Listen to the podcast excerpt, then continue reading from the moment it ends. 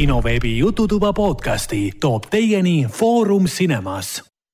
tere tulemast kuulama kinoveebi Jututuba, see on meie üheksakümne kolmas saade. minuga koos saates, nagu ikka, on Raiko tere, tere, tere. ja Henrik tere, tere. Henrik siinpool. ja mina olen endiselt Ragnar. ja see on meie esimene saade siis pärast siin suuri, suuri pühi viimane saade oli meil, oota, kas see oli enne jõule või pärast jõule? meil oli kolmkümmend üks äh, detsember. aastavahetusel tuli välja saade. oli erisaade, erisaade, aga muidu enne seda oli meil jah, enne jõule. Äh, ja, et tundub, et on nagu nii äh, mega pikk aeg nagu möödas miskipärast, aga ilmselt meie jaoks Hendrikuga ongi see nagu mega pikk aeg, sest meie päevad mööduvad hoopis teises tempos sest nii kõik ju kindlasti teavad, et Harjumaal ja Ida-Virumaal on kinod kinni, äh, väidetavalt siis äh, kaheksateistkümnenda jaanuarini. et väljaspool Harjumaad, Ida-Virumaad siin Tartus, Pärnus ja Viljandis saab kinos käia. küll aga eks me siis räägime varsti sellest ka, et mis, mis filme siis üldse näha saab ja kas on üldse uusi filme ka tulemas kinodesse, mis on siis väljaspool, äh, väljaspool Harjumaad vot, aga enne kui kinofilmidest räägime või üldse edasi liigume, mainin ära, et kõik kinoveebi jututoa saated on leitavad Delfi taskus, SoundCloudis, Apple podcastis, Spotify's, Google podcastis ja enamustes teistes podcasti rakendustes.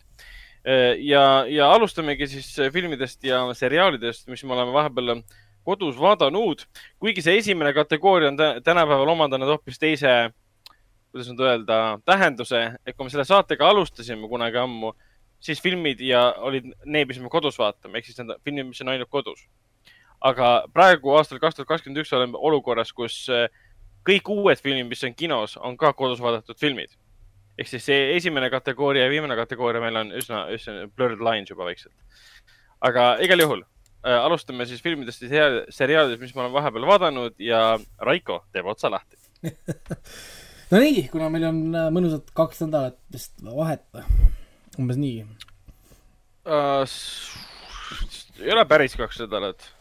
kolmkümmend salvestasime. ei, ei, ma räägin, ma räägin Nädal... erisaatest, ma räägin viimasest tavasest saatest. ja, ja viimasest tavasaatest. tavasaade on jah, see on juba ammu, ammune, ammune minevik. ehk siis ongi umbes kakskümmend nädalat ja, ja peale. sellest tulenevalt on ka siin nimekiri siis kümme seriaali, neliteist filmi ja kaks stand-up'i korralik, äh, korralik saavutus. et noh, pühade ajal tegelikult oli päris palju filmiõhtuid ka. lõpuks siis äh, äh, Johan ja Ra siis tulid ka siia äh, filmiõhtule. nii et te nägite ka lõpuks ära selle minu väikse setup'i siin kodus, kus ma siis filme ja seriaale vaatan. jah, nägime ära, nägime, ära Raiko äh, mehekoopa. kus asub Raiko Chicago, nägime ära jah, täpselt, sest ja see Chicago on selle peale, et mul terve see man cave on siis nii-öelda Chicago VPN-is, et me saaksime nautida siis ilusti äh, Shadereid, Disney pluss, whatever, kõike muud, mida me ka siis tegime. ja, ja nautisime siin head, paremat filmi, mõni parem kui teine, aga üldiselt olid, oli päris head valikud meil siin. nii, kus ma siis nüüd pihta hakkan, oh jumal küll uh,. Hmm no viskame kohe kõrvale millest ma pikalt rääkida ei taha, oli, on ju, Tiny, Tiny Pretty Things mm -hmm. äh, ilmus siin ka äh,, ma vaatasin selle, selle ära, kirjutasin selle review ära, see on siis balletikoolist nii-öelda, tahab olla see Flesh and Bone koopia. või noh, tahtis mm -hmm. olla midagi, mis on nagu Flesh and Bone, aga, aga, aga tegelikult, tegelikult seda ei ole. ja, ja ikka ainult draama, selles mõttes, noh, nagu ma review's panin, kui sa oled teismeline ja tunned, et maailm on sinu vastu siis Tiny Pretty Things on just sinu jaoks äh, tehtud. et mm ilusad äh, inimesed, selles mõttes kõik oskavad tantsida ja probleemidega on selles, et nad on ennem tantsijad kui näitlejad, mida me ka tunneme. kahjuks. siis äh, ma vaatasin ära Stargate Universe uuesti siis on üks ja kaks. ja vaatasin seda ainult sellepärast ära, et Prime video tuletas mulle meelde, et see lahkub Prime videost kolmkümmend üks detsember. aa, ongi. selge okay., et ma siis vaatan ära challenge accepted. ja vaatasin ära mõlemad hooajad järjest. ja kusjuures järjest vaadates ma tegelikult sain küll aru, et, et milles see probleem nagu oli. et kui ta tänases formaadis ilmuks, siis oleks kõik okei okay,, see sari jookseks edasi, sest me saame binge ida. aga kui sa pead ootama nädal aega ja sa näed, sa saad tegelikult episoodi, kus tegelikult toimub ülivähe, siis see tegelikult võib hakata ka mõjuma küll, noh nagu sa ootad nädal aega, sa saad tegelikult episoodi, kus on väga vähe arengut tegelikult või mingi väga niisugune veider kõrval, kõrval story. kui ma pindsin niimoodi järjest, siis on kõik okei okay,, aga, aga ma räägin, et pindides ka ma tegelikult oleks võinud vabalt skip ida mõned episoodid. aga tollases graafikus, kus sa pidid ootama nädal vahepeal, kaks nädalat, võib-olla kaks kuud, kui oli paus, siis, siis tegelikult oleks tahtnud näha nagu rohkem. aga samal ajal kaks episoodi, tähendab kaks, kaks äh, hooaega, tollastes numbrites on ju nelikümmend kaks vist episoodi oli kokku või kolm episoodi. ehk siis tänases vormikus on neli-viis hooaega tegelikult. Noh, nagu ütleme siis äh, content'i et äh, ja, ja ma siis vaatasin selle kõik ära äh,, otsisin siis üles ka selle koomiksi, mis kirjutati, et lõpetada see cliffhanger siis ära. vaata siis see viimane no, teine hooaeg lõppes ju cliffhangeriga ja siis tegelikult on olemas koomiks, kuueosaline koomiks mis lahendab siis selle cliffhangeri ära mm. -hmm et, et kuidas see siis story välja läheb, ma ei, ma ei spoil'i mitte midagi, guugeldage, sealt tasuta saab lugeda internetist ja, ja saate just teada, kuidas see nii-öelda see protseduur seal laheneb ja kas, ka mida Eli teeb, kes, kus, mida on, onju. mul oli nii kahju, kui see omal ajal pooleli jäi, et see tundus nii rikas ja äge lugu, mida ainult edasi arendada. aga noh, eks, kes selle tootja oli, Fox oli ikka või MGM oli see? issand, ma ei teagi algul pärast äh, Stargate'i vist. MGM on ju. MGM tõenäoliselt on need kõik. see on selle Richard Dean Andersoni enda mingi production company tegi seda. aa, ja, ja oli küll jah, jah. on kahju jah, eks tal oligi vähe vaatajaid ka, ma vaatan, kas ma näen kuskilt tagantjärgi neid vaatajanumbreid et äh, kusjuures ma usun, kui nad tooks Stargate'i tagasi täna, nagu nad tegid Star trackiga, ütleme nagu uuendatud stiilis mingi Netflix või Prime Video või Hulu või whatever nagu platvormile, siis ta oleks endiselt väga suur teema, ma arvan mm.. et ma vaatan jah, et e-, esimesel episoodil oli kaks koma kolm miljonit vaatajat, viimasel oli üks koma neli. et see ainult langes kogu aeg. mõistan. aga ei, mulle ta meeldis, ta on, ta on endiselt niisugune, niisugune, mõnus, hoopis teistsugune noh, nagu see, nad natukene lasid liiga pikalt seda Rushi ja siis selle äh, issand, mis ta oli see, Young, kolonel Youngi, kolonel Youngi vahe, vahelist seda niisugust rivality, mis natuke liiga pikalt on ju, või noh, teatud asjad nad mängisid natuke üle, aga noh, see on niisugune mm.. et muutus tüütuks või? no selles mõttes, et ta nagu kordas ennast, see oli nagu korduse peal, noh, ta ei, ta ei pakkunud midagi uut, noh nagu. küll ta jättis planeedi peale, siis äh, Rush reetis vastu, kui, kui tahtsid seda üle võtta, niisugune ring, noh, nagu niisugune ring, ringiratast nagu protseduurid et, et ei olnud nagu midagi, noh, polnud nagu nii põnev. Eli oli natukene liiga overpowered, ilmseletamatul põhjusel lihtsalt geenius, kes oskab, oskab kõike ja teab kõike. et noh, muidu oli kogu aeg see, et, et Stargate'is siis see Samantha Carter pidi õppima, McKay oli osav, aga tal olid iseloomu probleem, siis oli Eli, kes on nagu perfect, umbes nagu Naara, nagu see Naruto poeg Boruto on animes nagu.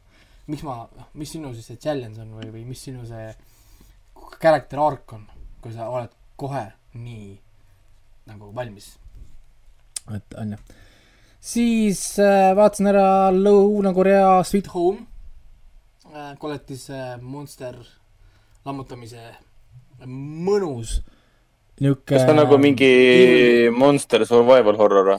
see on äh, ikka puhas monster apokalüps, kõige kallim Korea sari, mis on tehtud ja CGI muidugi niisugune sooviks soovi oli, aga noh, anname andeks, sest koletisi on tõesti palju. kõige kallim või? jah, kõige kallim Korea sari, mis on tehtud, jah äh,. Siis... isegi kallim kui King, Kingdom? no okay. tuleb, tuleb nii välja, sest niimoodi nad seda reklaamisid, kui kõige kallim äh, Korea sari, mis on tehtud. ma ei ole guugeldanud, guugeldage üle, aga, aga noh, ma usun, et see on ka õige, sest no muidu nad seda nii julgelt omale tag, tagidesse ja posteritele asjadele, asjadele yeah. ei topiks. ja põhimõtteliselt story on siis äh, selline et äh, see üks, üks noor poiss, siis mis ta nimi on, ma kohe võtan selle äh, lahti kuskilt. nii, mul on siin nii palju neid tähelepanu lahti, kõik teate filmidest nii ma lapan korra läbi kiiresti. kus see on Sweet Home? Sweet Home Alabama. see on kuidagi niisugune film ka nagu Sweet Home Alabama. oli selle ei, Rene Selvegeriga oli minu arust. ja, ja, ja, ja, ja see Luke Luke, ma ei tea, see Briti face, ma ei tea, oli vist või? mis Briti face, Luke Perry või? ei, ise oled Luke Perry. Matthew Perry või? nii, ma vaatan, mis ta nimi oli ja Hyun Soo on siis see Sweet Home Alabama. äh, Aa. ei, ei, ma räägin praegu sellest äh, Sweet Home'ist lihtsalt. Patrick Dempsey Ah. ja Josh Lucas. nii, nii. no selge. tähtis info, ma tean. jah, okei okay,, nii ma vaatasin lihtsalt nime, nimed üle, mul juba nimi meelest läinud. ühesõnaga siis äh, noor geimer poiss jälle, nagu ikka see Lõuna-Koreas äh, kultuuriliselt oluline on Jaa. äh,. Hyun Soo äh, jääb autoõnnetuses oma perest ilma ja peab üks- üksinda nii-öelda nagu elama, kolib ühte kortermajja ja kortermajja kolides saabub maailma lõpp põhimõtteliselt, kus inimesed hakkavad lihtsalt muutuma koletiseks. kuule, aga see on ju väga sarnane hashtag live'iga. Ähm, nojah, mitte, mitte isegi eriti, sest need koletised pole zombidele absoluutselt isegi lähedal mitte. ei no seda küll, aga lihtsalt see, kuidas ta nagu algab, on umbes nii, et noh, kuule, ma olen näinud seda või? no see jah, see kor- kor- kortermaja osa küll, ütleme. siis äh, inimesed hakkavad muutuma igasuguseks koletiseks, mõni on tiibadega, mõni on mingi limakoll, mõni on mingi tulekoll, mõni on mingi hiiglane, whatever, selles mõttes nagu ja nende koletisi tappa on peaaegu võimatu, onju, nad ei taha üldse kohe ära surra, muudkui kasvatavad eseme, esemeid tagasi. väga niuke Resident Evilik selle koha pealt, samal ajal ta on väga Evil Dead, minu arust kohati oli väga niuke mõnus Evil Deadilik niuke, niukene atmosfäär. ja siis tema on siis selles kortermajas ja jääb ka haigeks, täpselt samamoodi nagu need, kellel tulevad äh, hiljem need kord-, need koletise sümptomid. aga ta ei muutu koletiseks, vaid ta jääb sinna kahe peale äh, kinni. Ehk et ta saab olla koletis, aga ta saab nii-öelda nagu kontrollida oma koletiseks minemist, olemist ja hakkab siis koos kortermaja elanikega siis nendel nagu elama. ja sellest see sari ka räägib, on siis kortermajas, proovivad siis lihtsalt ellu jääda, tulla toime söögiga, joogiga ja igasuguste muude veidrustega ja muidugi siin on selline Walking Deadilik õppetund, et inimesed on hirmsamad kui mis iganes koletised. nagu ikka, nagu ikka. et, et selles mõttes jah, nagu, nagu ei saa sellest äh, noh, nii-öelda nagu jah, üle ega ümber onju. siis äh, vaatasin ära siis selle Bridgertoni, mis tuli äh,, millest siin on omajagu räägitud äh,. palju furoori tekitanud küll. põhiline kriitika, mida siis internetist visatud, oli see, et oh my god, Inglismaal olid, ei olnud sel ajal mustanahalised aadikud onju. siis minu, minu mõte oli see, et aga sellist lugu pole üldse olemas, sest kõik on välja mõeldud. noh, nagu algusest Nojah. lõpuni. ja kuna see on puhas, puhas fantaasia, mind absoluutselt ei, ei häiri, et seal on mingid mustanahalised taatlikud või ma ei tea, mis iganes, whatever, täiesti suva. no ja sama hästi ma võiksin kritiseerida Ave- Avengers Endgame'i, et kuule, oh my god, tegelikult sellist lillat hiiglast titaani pole olemas, ta ei saa maailma hävitada. mingi no shit noh. no et selles mõttes jah, see on Sama täiesti jah., täiesti ükskõik, ta on tegelikult mõnus draama. mulle väga meeldis, ta on hästi hea tempoga, ta on niuke nagu, nagu öeldakse, nagu riukalik seriaal, selles mõttes, et ta tegelikult viskab sulle ikka niisuguseid mõnusaid vimkasid sinna. ta on hästi seks- seksikas, siin on ilusad inimesed, nad teevad palju äh, nõka-nõka, nagu öeldakse. ja, ja eriti muidugi kindlasti on räägitud äh, episood kuuest. põhimõtteliselt terve episood kuus on, kui siis kaks meie, kaks meie peategelast lihtsalt terve episood seksivad, kus iganes nad, nad saavad. soolastes ruumides, raamatukogudes, laudade all, lautade taga, ma ei tea, järvede ääres, vee sees äh,. põhimõtteliselt terve episood, nelikümmend viis minutit või pikk see episood on, lihtsalt nad järjest äh, seksivad. Äh, kuues episood, kui midagi muud ei taha vaadata, tahate lihtsalt nautida, siis palun väga, ma an- annan teile spoileri, pange otse kuues episood ja vaadake lihtsalt. siis lõpus on muidugi üks huvitav äh, äh, tseen, kus kohas siis see mees ütleb, pidevalt on naisele öelnud, et, et ta ei taha lapsi saada, ta ei saa lapsi, ta ei taha lapsi ja ühesõnaga whatever. ja siis põhimõtteliselt naine nagu vägisi sunnib siis mehe, meest nii-öelda teda viljastama, siis minu arust hu- huvitav oli, kohe läksin internetti siis uurima, et kas äh, Twitter on, on nüüd ka pöördes nagu, nagu tavaliselt, aga tuleb välja, et see on okei okay.. Et niipidi on nagu fine, et, et kui muidu on küll consent ja no means no, siis äh, see siiski tähendab ainult siis, kui äh, naine on see, kes ütleb no. kui mees, mees ütleb no, siis on but you actually mean yes, yes, yes. nagu, jep. et äh, kuidagi jah, vähe äh, poleemikat tuli, no muidugi mind see ei häiri, sest kuna see on jälle raamatu järgi tegelikult tehtud, siis mul on hea meel, et nad tegid ikkagist nii, nagu oli raamatus, noh, mitte nagu need hakanud äh, Mhm. no ise, ise siin ütleme, poliitkorrektsust tegema. Ja ma olin sellega väga rahul tegelikult ka, ma andsin nii ilusad tugevad äh, kaheksa punkti onju seriaalile, mis, mis tegelikult oli nagu rohkem, kui ma tegelikult ootasin. ja IMDB keskmine on seitse koma neli. Neid, need, kes otsivad niisugust, niisugust mõnusat äh, Regency niisugust aja seda Inglismaa draamat, siis, siis see on nagu väga packed content'i täis. episoodid on hästi niisugused tihedad, noh nagu see on väga vähe niisugust passimist, väga-väga mõnus. nii et, et ma, noh, ma ütlen ausalt, ma läksin seda filmi vaatama ideega, et see on tõenäoliselt äh, jura või noh, seda seriaali. nii et, et mm. -hmm. jälle, jälle mulle äh, anti õppetund korralik, et ei tasu, ei tasu kohe hakata siin nende hindeid panema, enne kui pole vaadanud. jah, minu, minu ütleme Facebooki feed on sellest seriaalist üsna kirju olnud. Erinevad kanalid ikka väga palju räägivad teatud stseenidest, teatud olukordadest, teatud karakteritest. a la siin mingi, ma ei tea, miks ma seal seda jälgin üldse seda lehte, mis selle, Vulture, Vulture või midagi laadset. aa, Vulture on jah, on jah. Need mingi ütlesid, et jagasid selle karakterit selle põhjal, et based on thirst või midagi laadset ja see on see, et okei okay,, mul on aeg see, see sait nüüd tegelikult enda jaoks cancel dada, sest äh, see, miks ma, see ei ole minu jaoks huvitav info. aga see annab mõista nagu tegelikult seda, et ta on väga populaarne seriaal. on küll jah, ei ta, ta oli ka siin top kümnes ikka mõnda aega, minu arust, minu arust isegi siiamaani on veel ees. USA top kümnes vähemalt USA Netflix, nii et sealt on esimene praegu. su kurat. siis eh, noh, Dirty Coin endiselt jookseb, räägin, kui lõpuks see hooaeg läbi on. Star tracki ka hetkel ei pea rääkima, see on, läheb praegu allapoole. väga, väga kurb, aga Star track Discovery kahjuks eh, jah, on, on kaotamas siis oma niisugust eh, lööki. aga nüüd ma räägin eh, ühest, selle aasta ühest parimast juba, tõenäoliselt mm. -hmm. Cobra No. Cobra Kai, kolmas hooaeg. juba parim või? mina andsin neile kümme punkti, mul jumala poogen, ilus kümme, kümme, mind see ei huvita, et on seebikas, las ta ole seebikas, ta on väga hea seebikas. Ja nii kihvt asi, ma räägin, et kohe kui tuli, kohe pindisin ära ja mul oli juba otsas, no mis mõttes nagu, ma just, ma just hakkasin vaatama. no see tuli alles hiljuti, see kolmas aeg välja. esimene jaanuar, esimene jaanuar tuli välja. Nad, nad tõstsid ta nädal aega e- e- ettepoole lihtsalt eh, niisama. ta pidi tulema täna, ehk siis kaheksandal jaanuaril, kui me seda siis lindistame. aga tuli esimesel jaanuaril ja kohe, kui esimese, esimesel jaanuaril tuli mingi lõuna ajal, tuli teade, et Cobra Kai on nüüd Netflixis, võtsin kohe maha, let, let's go. Ja vaatasin ära, et te pole muidugi vaadanud vist esimest ja teist hooaega või, või mis, mis seis teil on sellega? ei ole, aga tegelikult Me- peaks olema teda üsna lihtne vaadata, et tal on enamjaolt nagu. ma olen, ta on ju. lühike ja kakskümmend minti või mis ta on.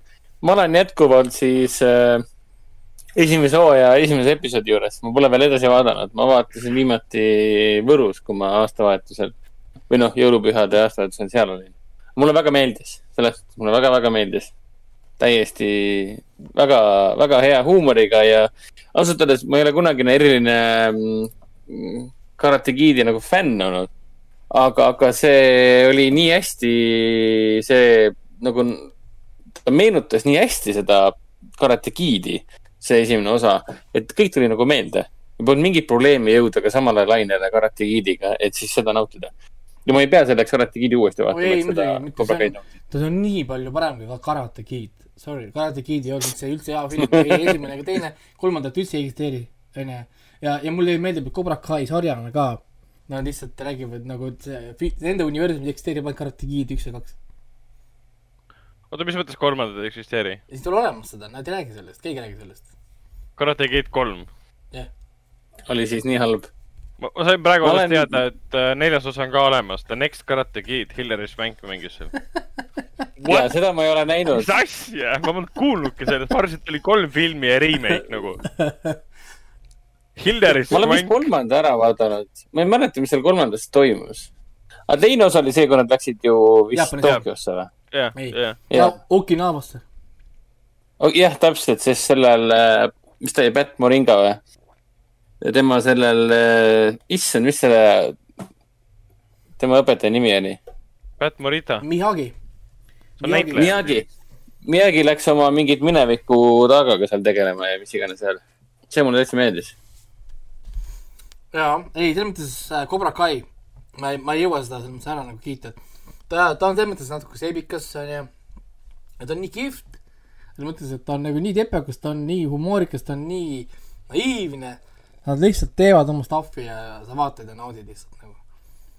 et, et no nii palju ma siis ütlen, et Cobra Kai on ju see, kus äh, Johnny Lawrence'i karakter on siis peategelane. ja siis tema elab ikkagist uni- maailmas, kus kohas Daniel LaRusso oli, kes oli kiusaja.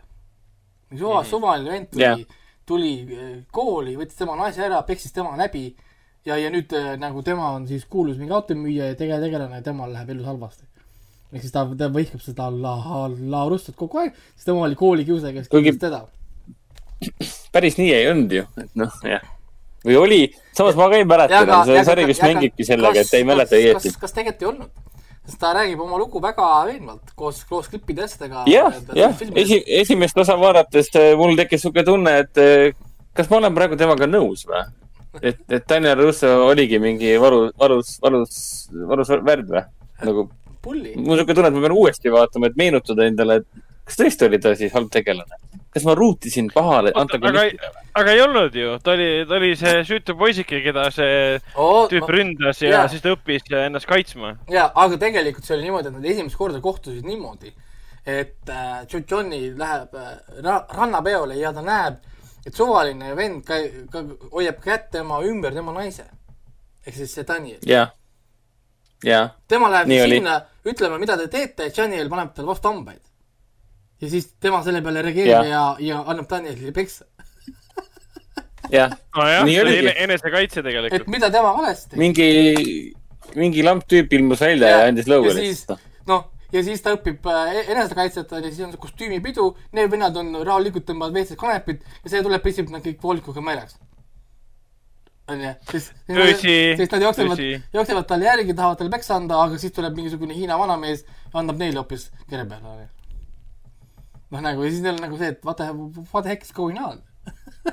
noh, kui see nii võtab samas- seda asja, siis. aga samas Johnny ei, ei olnud siis enam ju selle, mis ta on nüüd, Äli, selle tüdruku boyfriend enam tegelikult.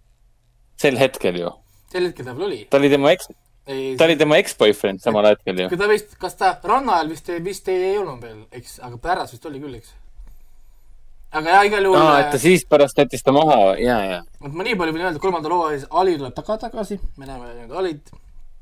Neil on mõnus stseen, kus nad lähevad Uh. siis kõik õhtust sööma niimoodi, et see Johnny ja Daniel ja Ali ja siis see Danieli naine ja, ja meenutavad minevikku ja naeravad ja, ja siis nad, nad räägivad seda, sedasama teemat jälle uuesti üle, et kumb oli siis tegelikult see pulli ja kumb oli siis see kiu- kiusaja, kiusatav. ja, ja, ja Ali on... on- annab, annab siis ka oma, oma, oma nägemuse sündmustest, onju. selles mõttes ta on mõnus, mõnus nagu noh, ja samal ajal muidugi need lapsed õpivad kaklemist, seal on draama Cobra Kai versus äh, Miyagi-Do ja ja palju võitlust, palju koreograafiat, palju hüppamist, palju lööke, palju murtuid luid ja igasuguseid muid asju. ta on lühikene ka, ma räägin, et seda tegelikult väga lihtne vaadata nagu Mandaloorianigi. Mhm. et, et vähe Jaa, ta on mõnusalt lühike. ja, ja lühikesed asjad, nii et laks-laks ja, ja juba ongi läbi. aga samas äh, sisu on nagu palju. ühe episoodi kohta oli väga palju sisu, mida vaadata. on, ta on tempokas, ta päris kiiresti, aeg läheb ka nagu nad, noh, nagu niisugune, noh, nad päris kiiresti võtavad nagu, nagu sündmused läbi. ja nüüd ma räägiksin kolmest animest siis. Ikkagi kolm. kõigepealt on siis Kuroko no Basket, ma hakkasin seda ainult sellepärast vaatama, ma olen kunagi vaadanud seda ära, see on minu üks nendest kümnepunktisest äh, animest, ma hakkasin vaatama sellepärast, et see ilmub Netflixi järgmine nädal.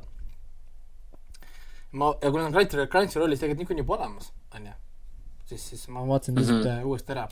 iga episood on kakskümmend, iga hooaeg on kakskümmend viis episoodi, kolm hooaega, kokku seitsekümmend viis episoodi. Väga mõnus vaatamine, vaatasin järjest kõik ära, ma polnud ammu nii itsitanud naernud jälle, sest see on nii hea anime lihtsalt. ja, ja see on korvpallist anime, lihtsalt korvpall. Kuroko on nimi, Kuroko no basket tähendab siis äh, Kuroko, tähendab see basketball, tead Kuroko plays, põhimõtteliselt Mhm. või noh, nagu bask-, see kor- korvpall, mida Kuroko mängib. Kuroko on siis väike nähtamatu poiss, aga ta on pärit ühest legendaarsest põhikooli meeskonnast, mille nimi on Taiko ei Taito, Tait-, Taito äh, põhikooli tiimist, kus kohas siis viis põhimängijat olid tuntud kui äh, imede põlvkond. tema oli siis see kuues mängija, kes oli siis see äh, varjuline kuues imemängija siis seal. ja nüüd nad kõik lähevad siis erinevatesse keskkooli äh, koolidesse ära, kõik need mängijad, siis need viis imemängijat pluss siis Kuroko. ja nüüd see Kuroko siis leiab omale nii-öelda nagu uue, uue partneri uues koolis äh, ja, ja hakkavad siis koos korvpalli mängima. ja, ja siis kolm hooaega ongi siis see protseduur, kuidas nad siis kohtuvad hooaega, noh nagu selle korvpallihooaja jooksul kõikide siis äh, vanade tiimikaaslastega ja, ja väga mõnus spordi anime, siin on sama asi, mis on Queen's Gambitil, sa ei pea teadma mitte midagi malest, siin ei pea teadma korvpallis mitte ühtegi asja. kõik tehakse sulle üksipulgi selgeks, söötmised, ründavad tiimid äh,, kaitsvad tiimid, kuidas äh,, kuidas mängida mängija vastu, keda ei ole võimalik peatada. kuidas mängida näiteks Michael Jordani suguse mängija vastu, kes lihtsalt äh, viskab igalt poolt kuhu sisse, ta läheb kolmest mängijast mööda, ma ei tea äh,, mida iganes, kuidas sa nagu mängid nagu niisugust mängijat vastu. ja tegelikult nad täitavad selle ära, sellepärast et nad, nemad peavad mängima, ehk siis meie kangelased peavad mängima ja nad peavad välja mõtlema, kuidas neid võita. iga uus tiim on iga uus probleem, mõned, mõni tiim mängib nendega pekstes, kakeldes, lüües neid küünarnukkidega, tahavad neile haiget teha, siis ongi mingi vastane, kus kohas ei viska üks mööda, üks mängija viskab igalt poolt sisse, kus iganes platsi pealt, onju. niisugune klassikaline anime, tohutu tempoga hästi,, hästi-hästi kihvt äh, anime siis ma vaatasin äh, nüüd ära siis kaks animet, mida ma polnud see aasta veel vaadanud, sest ma ootasin, noh, see aasta, eelmine aasta siis äh,. Siis ma ootasin, et natukene nagu rohkem episoode, episoode tuleks välja, siis ma nüüd vaatasin siis ära äh, Jujutsu Kaisen, mis on siis äh, Crunchyrollis olemas ja Netflixis, kui sul on Jaapani Netflixile ligipääs. Või siis lihtsalt Crunchyroll, mis iganes regioonis. Äh, ja siis vaatasin ära Demon Slayer äh, või siis öeldakse nagu on see inglise romansis äh, Kimetsu no Yaiba, onju. või siis, kes, kes ihkab originaali, on siis Omi, Omimetsu no Noha ehk siis Devil's Blade. no vahet ei ole, selles mõttes, et same, same thing. siis Demon Slayeril meil on terve esimene hooaeg juba väljas, siis Jujutsu Kaisen, Jujutsu Kaisen, tahan öelda alati Jujutsu Äh, Jujutsu Kaisen on tegelikult alles poole peal. Siis äh, mina nii pöördusin ei ole selle Jujutsu Kaiseni pärast, netis, äh, foorumites animesõbrad on jess, uus mingi, uus hitt ja uus põnev ja mida kõike nad siin onju, karjuvad, kaheksa koma seitse punkti on ka IMDB-s keskmine oh ja, ja noh, kõik on väga-väga pöördus selle noh, anime pärast. aga mida mina näen, on see, et see on jälle Naruto koopia ahah. Sest äh, põhimõtteliselt story on niimoodi, et äh, need seal maailmas on äh, liikumas need needused, või nagu needused, mis võtavad siis nagu koletiste kujud. Hmm.. kõlab nagu okei okay,, okei. Okay.. siis on üks äh, äh, poiss, kes siis on füüsiliselt osavam kui teised, põhimõtteliselt äh, ühel sündmust, veidrat sündmuste põhjusel, ta neelab alla ühe neetud sõrme.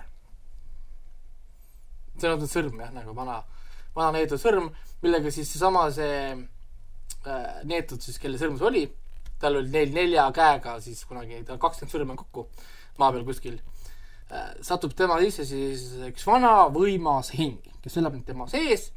täpselt nagu Naruto elas sees, elas üheksa sabaga äh, kõige võimsam äh, nii-öelda siis äh,, mis seal oli, see kaitsehinge, hinged või kuidas neid siis nimetati, see rebane äh, siis siin tema siis elab nüüd kaheksa, kahe, nelja käega, kahekümne sõrmega kõige kunagi vanem elanud siis äh, võlur.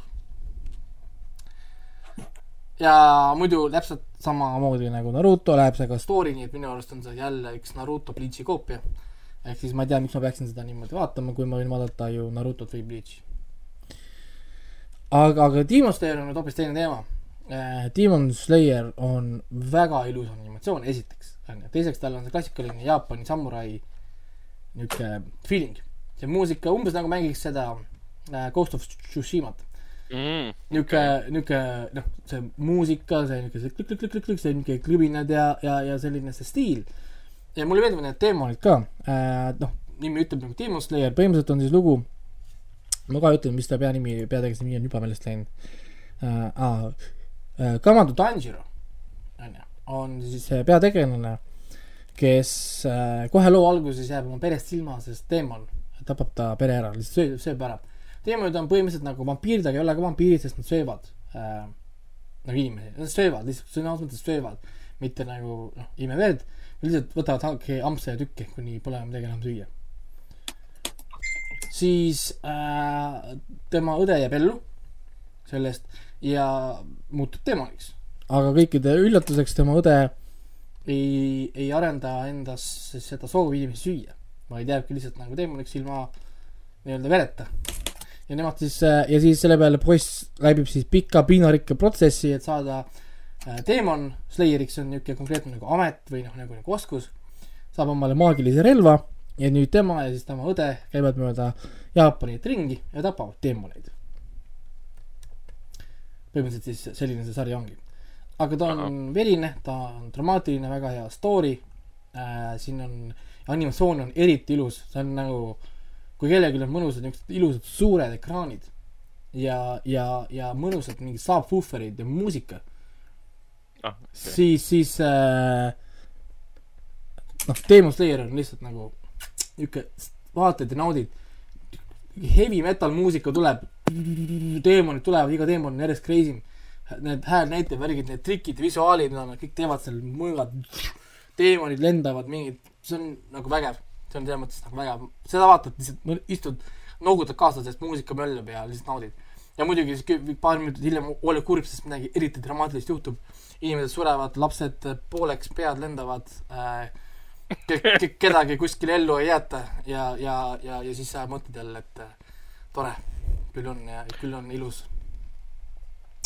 mõtle, kas sa juba seda mainisid, minu arust ei maininud, et see Demon Slayer, see tuleb Äh, ka Netflixi kohe. see The Movie, mis vahepeal välja tuli, see Mugen Train, see nüüd ületas siis Jaapanis äh, kõigi aegade enim teeniva mm, animefilmi äh, rekordi, mida enne hoidis siis äh, Hayao Miyazaki äh, vaimudes viidud ja nüüd on selleks siis äh, Demon Slayer Kimetsu no Yaiba, The Movie, Mugen Train. jep, jep.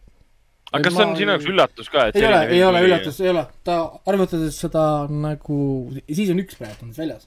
aga noh, enne kui see season üks tuli, see manga on niikuinii, ta on juba nii teemas. kui sa lähed suvalisse mangapoodi, kas Eestis või, või välismaal, sa lihtsalt näed seda Demon Slayerit nagu overwhelming, kuidas nagu see äh, tuleb sulle vastu nii bänneritena, no mangadena, kujudena, noh, mis iganes. Ehk siis ta on selles mõttes noh, väga suur nagu teema, ma ei seda vaadanud siiamaani veel. ma pole lugenud seda mitte midagi, ma hakkasin seda vaatama alles nüüd mingi nädal aega tagasi. Mhm. nii et, et täitsa võimas küll, et see, ma vaatan ka, et see film ise tuli oktoobris välja. ta on kõigi aegade enim teeninud film Jaapanis. teisel kohal on ta siis kõigi aegade enim teeninud film nagu äh, animede hulgas. ja animeeritud filmis, filmide koha pealt on ka kõige enim teenitud, teeninud film. Ja kahe tuhande kahekümnenda aasta neljandal kohal on ta kõige enim teeninud film ja nagu kõik mingid tohutud rekordid, üks film purustas lihtsalt hämmastav. eks siin on koroona tuleb ka mängu, et filme pole ammu olnud ja kõik see. nojah, et ei, ma täitsa usun seda, see, ma soovitan vaadata just seda Demon Slayerit rohkem kui seda Ju-, Jutsu Kaisenit. muidugi, kui pole vaadanud ei Narutot, ei Bleachi, mitte midagi sellist, siis ma kujutan ette, et see Jujutsu Kaisen võib olla küll vau efektiga okei okay..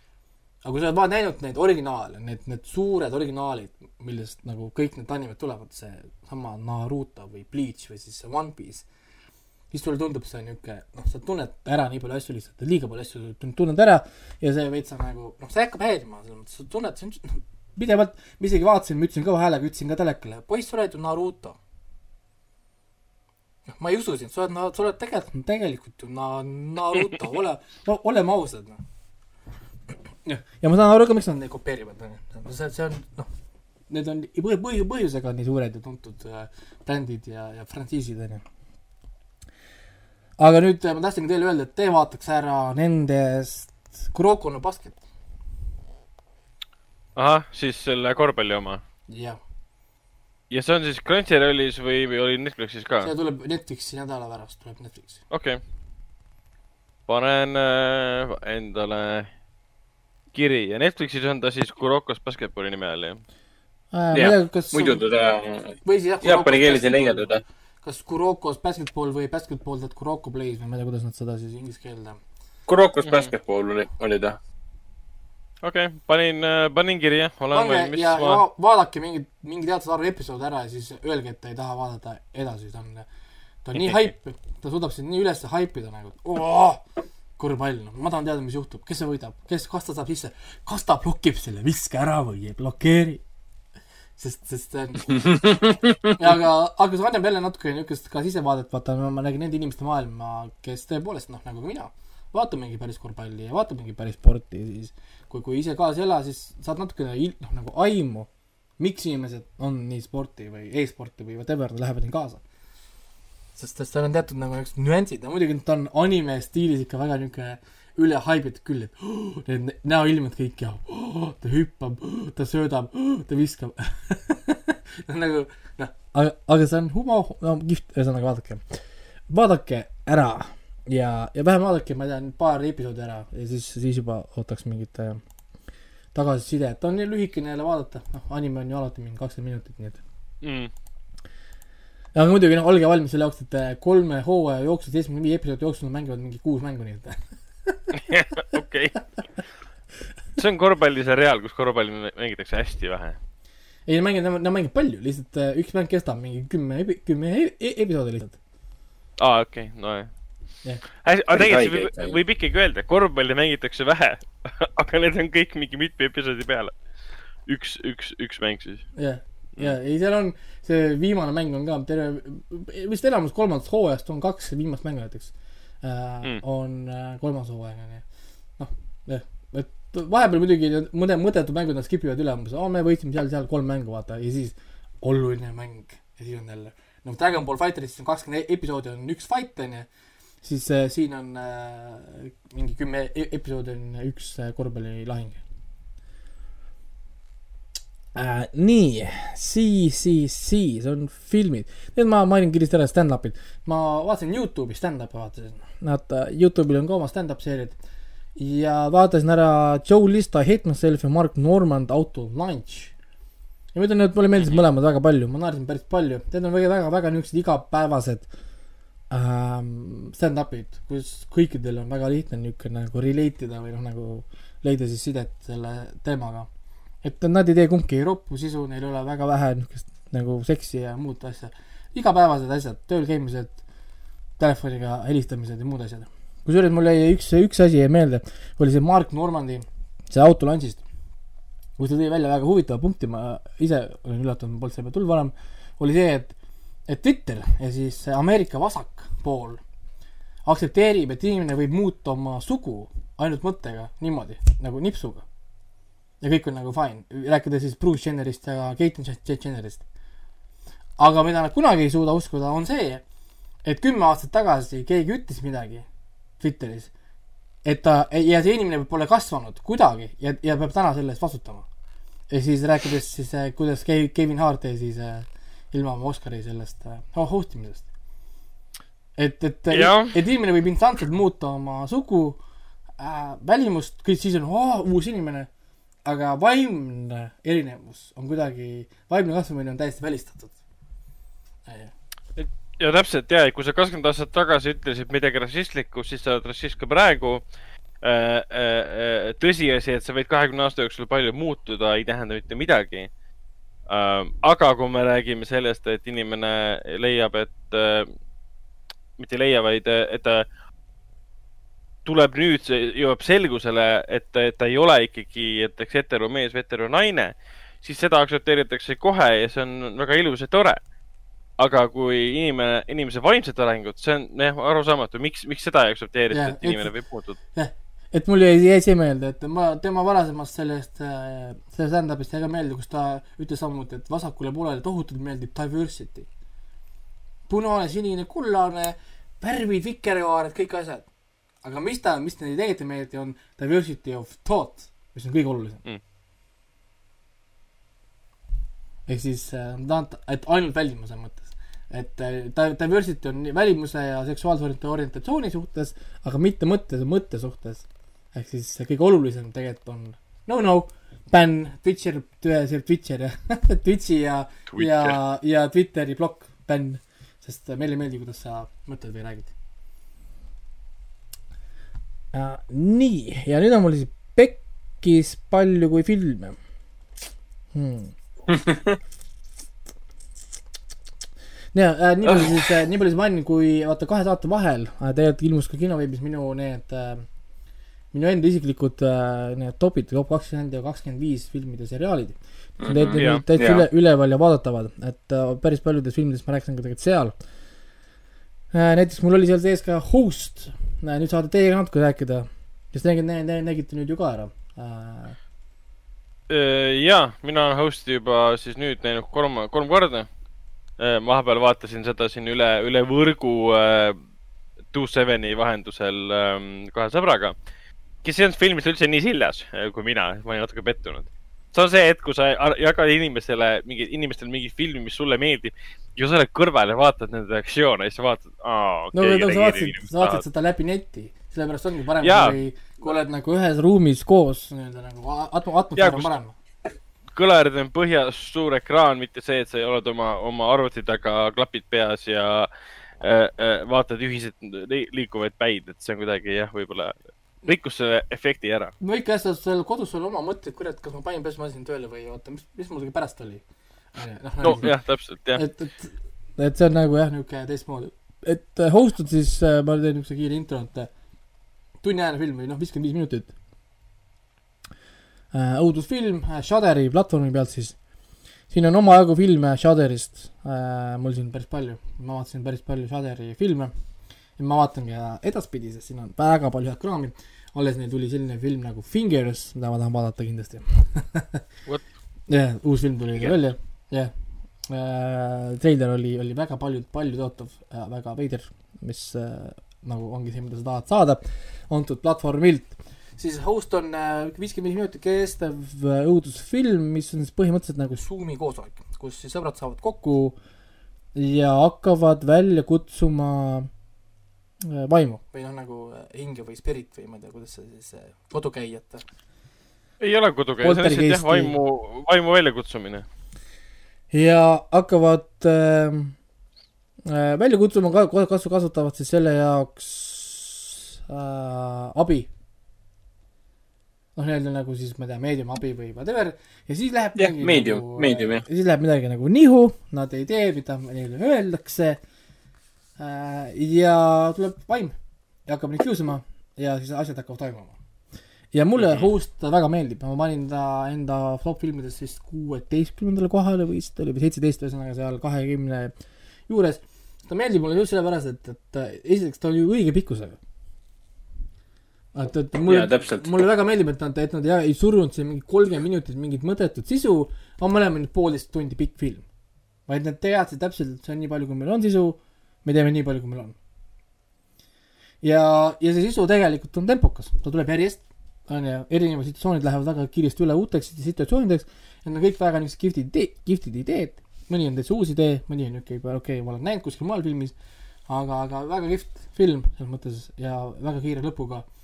Ja mulle muidugi meeldib, kuidas nad tegid siis selle nagu päris Zoomi koosoleku, et see tasuta miiting saab siis läbi. nelikümmend minutit nelikümmend viis minutit ja ja, ja, ja, ja, ja toimib, tal on jumpscare'id on korralikud, mitte ainult, mitte ainult jumpscare'id, vaid tal on ka nagu niisugust mõnusat pingelist noh, situatsioone seal on, ta on väga efektne, efektid on hästi tehtud, ütleme nii. ja, ja tihtipeale mul oli küsimus ka, et kuidas nad neid efekte tegid. et kui see on nagu pandeemiafilm või koroona ajal tehtud, et näitlejad omavahel kokku ei saanud ja reisijal ei, ei, ei, ei olnud ka kohapeal platsil ega midagi, siis kõik oli filmitud läbi näitlejate endi.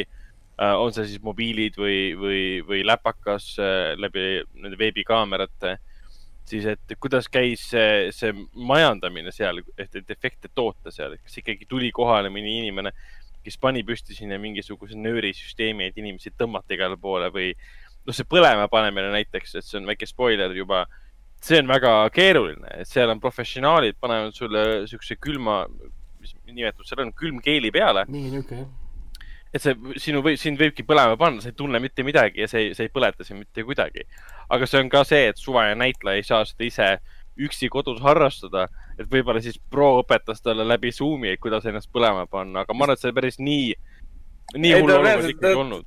ta tuli pigem kohale ja siis kahe meetri kauguselt näit-, näitas ja õpetas. viskas, viskas tikuga kahe meetri kauguselt.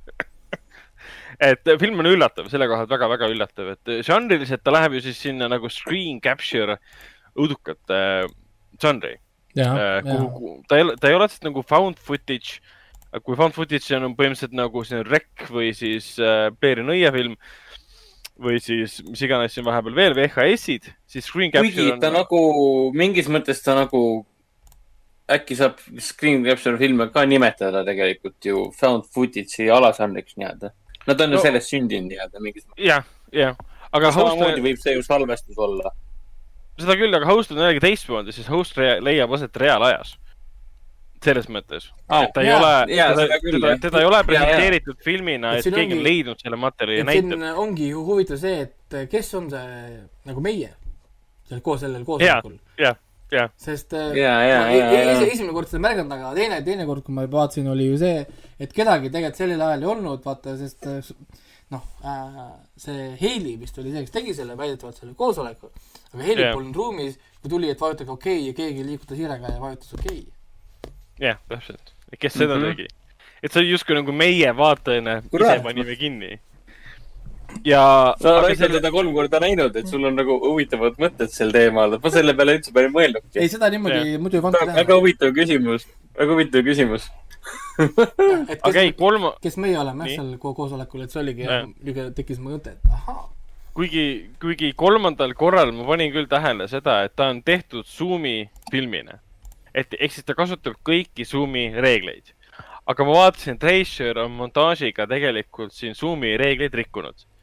Et kui sa oled Zoomis peale pannud endale selle automaatse süsteemi, et pilt, pilt läheb selle inimese peale, kes parasjagu räägib, siis kohati sa näed, et pilt liigub inimeste vahel, kes parasjagu ei räägi see tähendab justkui seda, et Hailey on see, kes hiirega käib ringi ja valib äh, inimese peale, kes parasjagu räägib, aga me ei näe hiire. liikumist. või, või siis meie, sest me endiselt ei tea, kes meie mis meie eks eks eks siis siin ongi selline, selline tunne, et asi polnud, Hailey polnud see, kes käis hi- hiirega nägude peal ringi, et me, et vaataja nä- näeks seda nägu, kes räägib, vaid pigem Razor tegi valiku, et me näitame inimeste reaktsioone, kes parasjagu häält ei tee mikrisse sest muidu Zoom võtab automaatselt, aga siis ma Jaa, märkasin jaa. nagu seda, et aa, see muidu, Zoom ei tööta päris nii, aga ma saan aru, miks te seda nii tegite, sest see on nagu loogiline. on, et selles mõttes, et ma soovitan kindlasti vaadata seda filmi Host.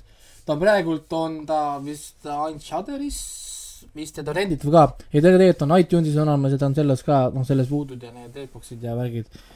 ja Jaa. minu arust ta tuleb sellesse ka, Hulusse Prime videosse tuleb ka, Mhm. nii et äh, kohe aa, Prime videosse ka? jaa, Prime videosse kuule, ta juba on Prime videos olemas aa, siis ta juba, ta juba jõudis siia, okei okay.. aga ma praegu ei saagi nüüd kohe aru, et kas ta on nüüd Prime video, Prime video või siis see teine, see. ilmselt on see renditav versioon, mitte see meie ei, oma. ta, ei ta peaks tulema Jaa, ta renditav, peaks jah. tulema, peaks tulema nagu sellesse striimitavasse varianti ka nüüd. jah, ei, see tavaversioonis, kus saab vaadata nagu kuutasu põhjal, praegu ma ei näe, et oleks. aa, no praegu ta on jah, ta on, Amazon Prime'is on host vaadatav niimoodi, et kaks valikut, sa paned siin subscribe and subscribe and uh, watch ehk siis saad läbi Shudderi vaadata või läbi AMC plussi, plussi. jah, jah, sellisel kujul. aga ei, soovitan vaadata noh., igal, igal juhul äh, vahelduseks niisugune, niisugune mõnus ori-, originaal ma ei ütleks, aga lihtsalt kihvt film, ütleme siis, et äh, väga, väga niisugune huvitav hu,, huvitav vaatamine. väga äge teostus ja, ja üldse põnev, no meil on niigi põnevad ajad siin olnud ja nüüd siis tehakse niisugune põnev film ka nii-öelda koroona ajal. Ja, Ja päriselt õudne. ja ei, on küll ja ta tõesti õnnestunud üksinda vaadates on creepy küll. ei saa midagi, ei saa midagi öelda, et, et ei, noh, nagu.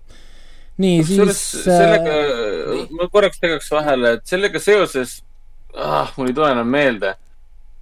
vaata, mingi film sai tänu Tiktokile hiljuti jälle populaarseks, mingi viie-kuue aasta tagune õudukas. jah, ma olen tema kohta midagi lugenud mul see, selle host'iga seoses tuli nüüd meelde, et Tiktoki staarid tegid ta populaarseks ja, mõned inimesed on siiamaani no kes nüüd alles hakkasid seda vaatama, nagu genuiilselt täiesti šokeeritud, sest nad arvavad, et nad vaatavad päris asja. ja Keegi- selle nimi on kadus- äh, Megan is missing, see on pärit aastast äh, kaks tuhat üksteist. Ja see pidi nii šokeeriv õudusfilm olema, et tänapäeva noored, kes seal istuvad seal äh, Tiktokis on äh, südamepõhjani šokeeritud ja keegi ei saa aru, mis nende ümber, ümber ja nende sees toimub ja nii edasi.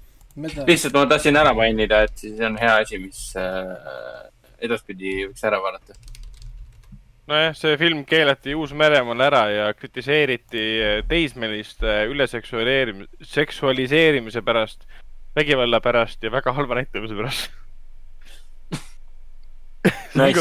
kõlab nagu perfektne õudusfilmi õhtu, noh. ja see kõlab nagu Uus-Meremaa bändi, Uus-Meremaa bännis filmi ära sellepärast, et halvad näitlejad olid. uus Venemaa bändis su filmi ära sellepärast, your film is shit nagu. Sorry, but this is shit bänd. aga see tundub päris põnev, et noh, muidugi samas, kas Tiktoki staaride ähm, aa, see on, see on äh, olemas ka päris põhi, põhimõtteliselt kõikides nendes mul siin. jaa, ma vaatasin ka, et ta on täitsa laialt, laialt saadaval. ta on suht, suht, ta on nii vana film, et ta on kõik, kus vähegi rohkem content'i on, hullud, popkorn, Flixid ja, ja whatever äh, mm. -hmm. väga, väga lihtne vaadata, see tundub huvitav, vähemalt äh, ma, ideeliselt tundub huvitav, kas see film ka tegelikult nii on äh, Jah.. aga olgu äh,, ma võtan, võtame kohe kiiresti järgmised õudukud ka ära. me Ra- Ragnariga vaatasime veel siin äh, järgmine päev, kui Hendrik läks ära ja tulid äh, veegemad siia. me vaatasime The Cleansing Hour. ja mis äh, mulle, mulle väga meeldis tegelikult. mulle ka meeldis, ta oli üllatav ja ta oli üllatava lõpuga ka tegelikult äh. väga üllatav, pealkiri, The Cleansing Hour. pealkiri annab mõista, et see on nagu mingi eksortsismi teema. jah, on küll. Ja ja põhimõtteliselt siis on niimoodi, et on äh, Max ja Drew vist olid need sõbrad, kellel on oma niuke Twitch'i taoline mingi streaming platvormi niuke show, kus nad siis nii-öelda nagu teevad vaimude välja aja- ajamist ja see on kõik on fake. Nad lihtsalt lavastavad väga uhkete efektidega ja ladinakeelsete sõnadega ja viskavad sinna jah. ühesõnaga niuke väga ilus show.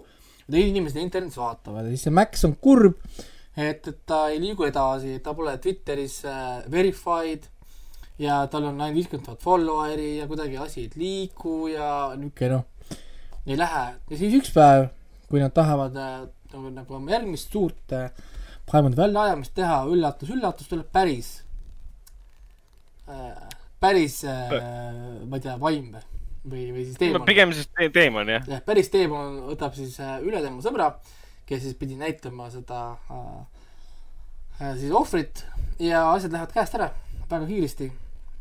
ja see on kõige, kõige veidram asja juures see, et see teemant on teadlik sellest, et tegemist on otseülekandega ja paneb kohe alguses reeglid paika. et ma tapan ära selle tüdruku, kelle kehas ma olen, kui sa äh, ühendad lahti otseülekande. et maailm peab nägema seda, kus mina olen. aga tema mingi püha eesmärk ei ole näidata maailmale, et teemonid on olemas. Tema eesmärk vähemalt näiliselt esialgu on lihtsalt alandada seda, mis ta nimi oli, Max või? Maxi, Maxi sellepärast, et ta, et ta on fake. täpselt, et ta on fake äh, exorcist, et nüüd sa pead lõpuks kasutama oma võimeid, mida sul tegelikult ei ole, sest sa oled fake exorcist. et päästa see süütu tüdruk teemani käest ja kas see õnnestub või mitte, seda peab äh, igaüks ise vaatama. see on, on, tal on niuke, alguses on niuke huumor, kus ta tuleb, et oh, võta riided ära ja näita ennast maailmale alasti ja jah, ja, ja ühesõnaga noh, tunnista üles, kui kasulik sinu see merchandise on, mida sa müüd äh, oma fännidele ja noh, niisugused asjad. ja mingi palverätti. Palverätik, jaa. venna, see on umbes, umbes niimoodi, et sul on otseülekanne ja siis sul on seal eriti dramaatiline vaene naine karjub, et aa, ärge tapke mind. ja siis tuleb juurde teade, mingi fl- flashing lights tuleb juurde, et on meie palveräti. otse siit lehelt, miinus viiskümmend protsenti. et ta on, sihuke hea lihtsalt, see Jah, kõlab nii hea on, filmiga. on ja siis noh, ja, ja mulle nii meeldis, kus ta siis proovib nagu päriselt vaata seda lugeda neid ladinakeelseid neid vaimuid väljaajamist, siis see, see teemant teeb talle oi-oi, sõnad paberil teevad mulle nii haiget. see oli jah päris hea. ja, ja see film ei ole kindlasti see, mida, mida ta esialgu tundub olevat. Et esialgu läheb ära täiesti. lõpeb täiesti käest ära tõesti ja heas mõttes. jah, et alga, algab justkui selline, selline jaburavõitu nagu komöödia või ta on humoorikas, ütleme nii. ja siis ta läheks, läheb ootamatult väga tõsiseks, väga veriseks ja räigeks kätte ära. ja siis ta võtab uue nagu pöörde sisse viimases nagu finaalis siis ja see finaal on selline, et kas meeldib või ei meeldi, aga mulle, mulle, mulle mulle ka meeldis, et see oli selline see wow, oli nagu ohoh. jaa, et see oli selline, selline, et näeb, kui kaugele me võime sellise väikse kontseptsiooniga antud filmi juures nagu ikkagi minna ja mulle tohutult meeldisid need teem- teemonkoerad, see teemonkoertega see ah,. efekt, efekt, mille nad tegid, see oli minu arust nii äh,, nii nagu huvitav. mulle kohe endal hakkas mõte töötada, kui ma teeks uut filmi, ma tahaks võib-olla kasutada ka midagi sellist, noh nagu Mm. ütleme Mm,, see oli see oli päris kihvt kontseptsioon, et äh, ei, ma soovitan vaadata seda. noh, kuigi filmi noh, keskmes on tegelikult ikkagi nende tegelaste vaheline eh, sõprus ja need valed, mis nad on üksteisele öelnud eh, ja väga palju keskendutakse just sellele, et see Max peab tunnistama üles erinevaid asju, mis ta on elu jooksul teinud ja siiamaani kahetseb näiteks, et oma hinge justkui puhastada äh, patusest elust, aga see on ka osa, ütleme sellisest mängust, mida see teemann nendega mängib siis. ja, ja kusjuures ma praegu näen, et see põhineb äh, samanimelisel lühifilmil tegelikult, mille Shudder No, o- no. ostis ära. ja siis tegid sellest No, täiesti ikka ja see, ma saan aru, et filmitegijad on kõik samad, kes lühike tegid. jah, samad Jah. on jah, samad inimesed. noh, host, host'iga oli samamoodi, et kõigepealt pani Reisjör klipi üles äh, Twitterisse kuskil, ma vaatasin märtsis või midagi laadset, pani Twitterisse üles. ja Shudder vist nägi seda ja ütles, et oo, kuulge, teeme filmi, okei okay,, teeme filmi ja siis tegid filmi. jah, nii et selles mõttes äh, jah, Shudder on äh, kasvanud minu väga niisuguseks üheks äh, lemmikumaks platvormiks praegu, sest nii kihvti nagu content tuleb ja minu maitsele väga palju filme on seal, noh nagu Mm. siis äh, kohe saan siis võtma järgmise, Spiraal. see see on nüüd ei see, see on nüüd see teine, teine pool, kus kohas see film kannatas sellepärast, et tal oli jube halb editor ja jube halb lavastaja tegelikult. halb, ja okei okay,, võib, võib isegi niimoodi öelda jah, tal mõte oli väga hea. või noh, mitte mõte, vaid see, see, mis välja tuli. see nagu noh, no Et- et- tal oli see premise oli kihvt või noh, selles mõttes, et, et, et lugu oli selles mõttes äh, kihvtilt tehtud, et sul on samasooline paar, kas ta oli Ameerikas siis või? Ameeri- Ameerikas ja Ameerikas äh, kaks meest siis kolivad äh, siukse väikesse, väikelinna, elavad oma rahulikku elu, kuni neid hakatakse siis taga kiusama ja näiliselt on see siis põhjusel, et nad on homopaar. Küll äh, tungitakse majja sisse, kirjutatakse roppuseid sinna, küll keegi luurab öösel kuskil ja, ja see üks nendest siis, üks osapool sellest paarist siis võtab seda asja väga isiklikult, sest tal on isiklik seos selle tagakiusamisega ja hakkab vaikselt nagu hulluks minema et kõik tahavad, kes seal külas on, tahavad, ajavad teda taga. aga no siis me hakkame, meil, meil tekibki segadus, et kas äh, aetakse neid taga või on see mingi suurem plaan, sest ta näiteks näeb öösel naabrite äh, majas toimub mingisugune kummaline riitus äh, äh, seal kardinate taga, siis öösel ronib keegi majja, maja juures, kes on üks vanem mees, annab talle ühe paberi, kus on kirjas, et ma ei mäleta, mis see lause oli, aga mingi kahtlane lause. ehk siis me saame aru, et see ei ole homofoobia, mis neid kannustab seda rünnakuid, siin on midagi muud peidus. aga see kõik on nii halvasti lavastatud ja nii pingevaba ja nii segane, eriti see segadus on niivõrd laastav filmi nagu selle õudusele ja terrorile. et kui lõpus tuleb see suur pööre välja, mis oli hea, mis mulle meeldis, siis see pööre ise on nagu tore, aga see, see ei tööta selles filmis. et selles mõttes ma olin temas nagu väga-väga pettunud. on see editing tohutult häiris mind, see hüppamine ja, ja, ja Jaa. kogu aeg oli see, et äh, miks, miks see vajalik oli praegu või noh, nagu jah, et seal nagu no stseenide see- vahelised. no seesama koht, kus kohas kummitus annab talle VHS kassetid jah, jah, ja siis, ja siis Ja nagu katt, jah, see oli lõige ära, aga kuhu oli lõige, mitte sellesse, et ta läks vaatama VHS kassette, vaid lõige oli mingile teisele sündmusele ja siis tuli VHS kassettide vaatamine. ehk siis see kummitus unustati ära montaaži mõttes. et, et stseenide vahel olid nii, väga väiksed seod, hüpati, seosed nagu hüpati kohe järgmisele sündmusele, mis ei seostunud eelmise sündmusega, et nagu üleminekud olid täiesti uskumatud kohati. oli jah, ma olin, ma olin, ma olin ka sellest pettunud, see ei olnud nagu noh, mitte midagi ta oli-, mitte midagi erilist, et äh, ta oli veidral kombel ja, et eelmisel aastal üks hinnatumaid, mitte hinnatumaid, vaid ta oli mitmete nagu õudusfilmi saitide nagu top kümme listides. muidugi sellepärast, et see on LGBTQ, ehk siis tal on juba sealt äh, ekstra punktid niikuinii. jah, noh, ma ka, ka ise kaldun ka sinnapoole, et see ei saa olla puhtalt see, et see film on niivõrd äh, valesti siis mõistetud., siis mul käisid õed ka veel filmiõhtul ja tegime jälle Shuderi äh, filmiõhtu mm.. ja vaatasime kaks filmi, esimene oli Porno ja okay. teine on Warning, Do not watch. sa vaatasid sõpradega pornot, ma saan aru. õdedega koos vaatasin jah pornot. sa vaatasid õdedega pornot mm. -hmm. nii. ja, ja, ja, ja ja lause., ja õdede lapsed olid ka koos, koos meiega. sa vaatasid õdede, õdede ja õdede lastega koos pornot. Vau. siis äh, igal, igal. juhul äh, good luck Eesti filmigruppidele, kes proovivad seda filmi äh, otsida läbi, läbi piraatsaitide. sest sellise, sellise, sellise nimega seda, seda kindlasti pira-, pirada ei saa. väga hea point, väga hea point, good luck tõesti. et äh, palju õnne teile ai ja ja, ja ma olen, ma väga, väga loodan varsti näha selle filmi review'd siis mõnes äh, äh, filmigrupis. et keegi, keegi suutis sellega tõesti sealt siis välja, välja kraapida ja. aga film ise oli päris humoorikas, ma naersin tegelikult ikka päris palju. Siin oli ka üks hästi rõve tseen, me kõik kerisime pea ära, niimoodi, et me, mina keerisin ka ära ja ma siis palusin siis öelda, öelda kellelegi, kes vaatab, et öelge, millal see läbi on. sest see oli päris vastik ju. Äh, põhimõtteliselt on niimoodi, et on üheksakümnendates, on üheksakümnendatel on üks kino Ameerikas, väike linn, ma kohe vaatan, mis selle linna nimi võis olla. Christian Town, ühesõnaga lihtsalt on kristlik linn, aga noh, ma ei tea, mis, pole oluline, mis see konkreetne nagu asukoht. Mhm. ja neil on siis suur film tulemas kinno, Encino Man. kas te teate, mis film see on? jaa, Brendan Fraseriga ja kus ta on eestlane nii-öelda või noh, ja see on see, see on see Eesti film, fake eestlane. see on üks kuuls-, üks kuulsamaid Eesti filme. jah, ja, ja siis äh, nad on siis äh, üks õhtu siis kinos, need töötajad saavad siis oma bossiga kokkuleppele, et kui kõik on hästi tehtud, nad võivad teha siis peale filmi õhtut, noh kui, kui kino on läbi, võivad teha privaatse filmiseansi omavahel kõik. noh, lapsed äh, või noh, lapsed, no noored, ma ei tea, sest te- ma ei oska vanust neile pakkuda, pakun mingi viisteist, seitseteist, mingi kakskümmend, ma ei tea, ühesõnaga kuskil sealkandis on väga rahul endaga, et äh, töö võitja, me saame vaadata filmi. aga enne kui nad hakkavad filmi vaatama, nad poolkogemata avastavad, et äh, kinol on alumine korrus kinni löödud laudadega. Lähevad sinna vaatama, uurivad, leiavad sealt vanu hävinenud äh, filmilinte ja teise, teise kinosaali on all. ja siis tuleb välja, et see, et see kinol on kunagi olnud äh, pornokino all.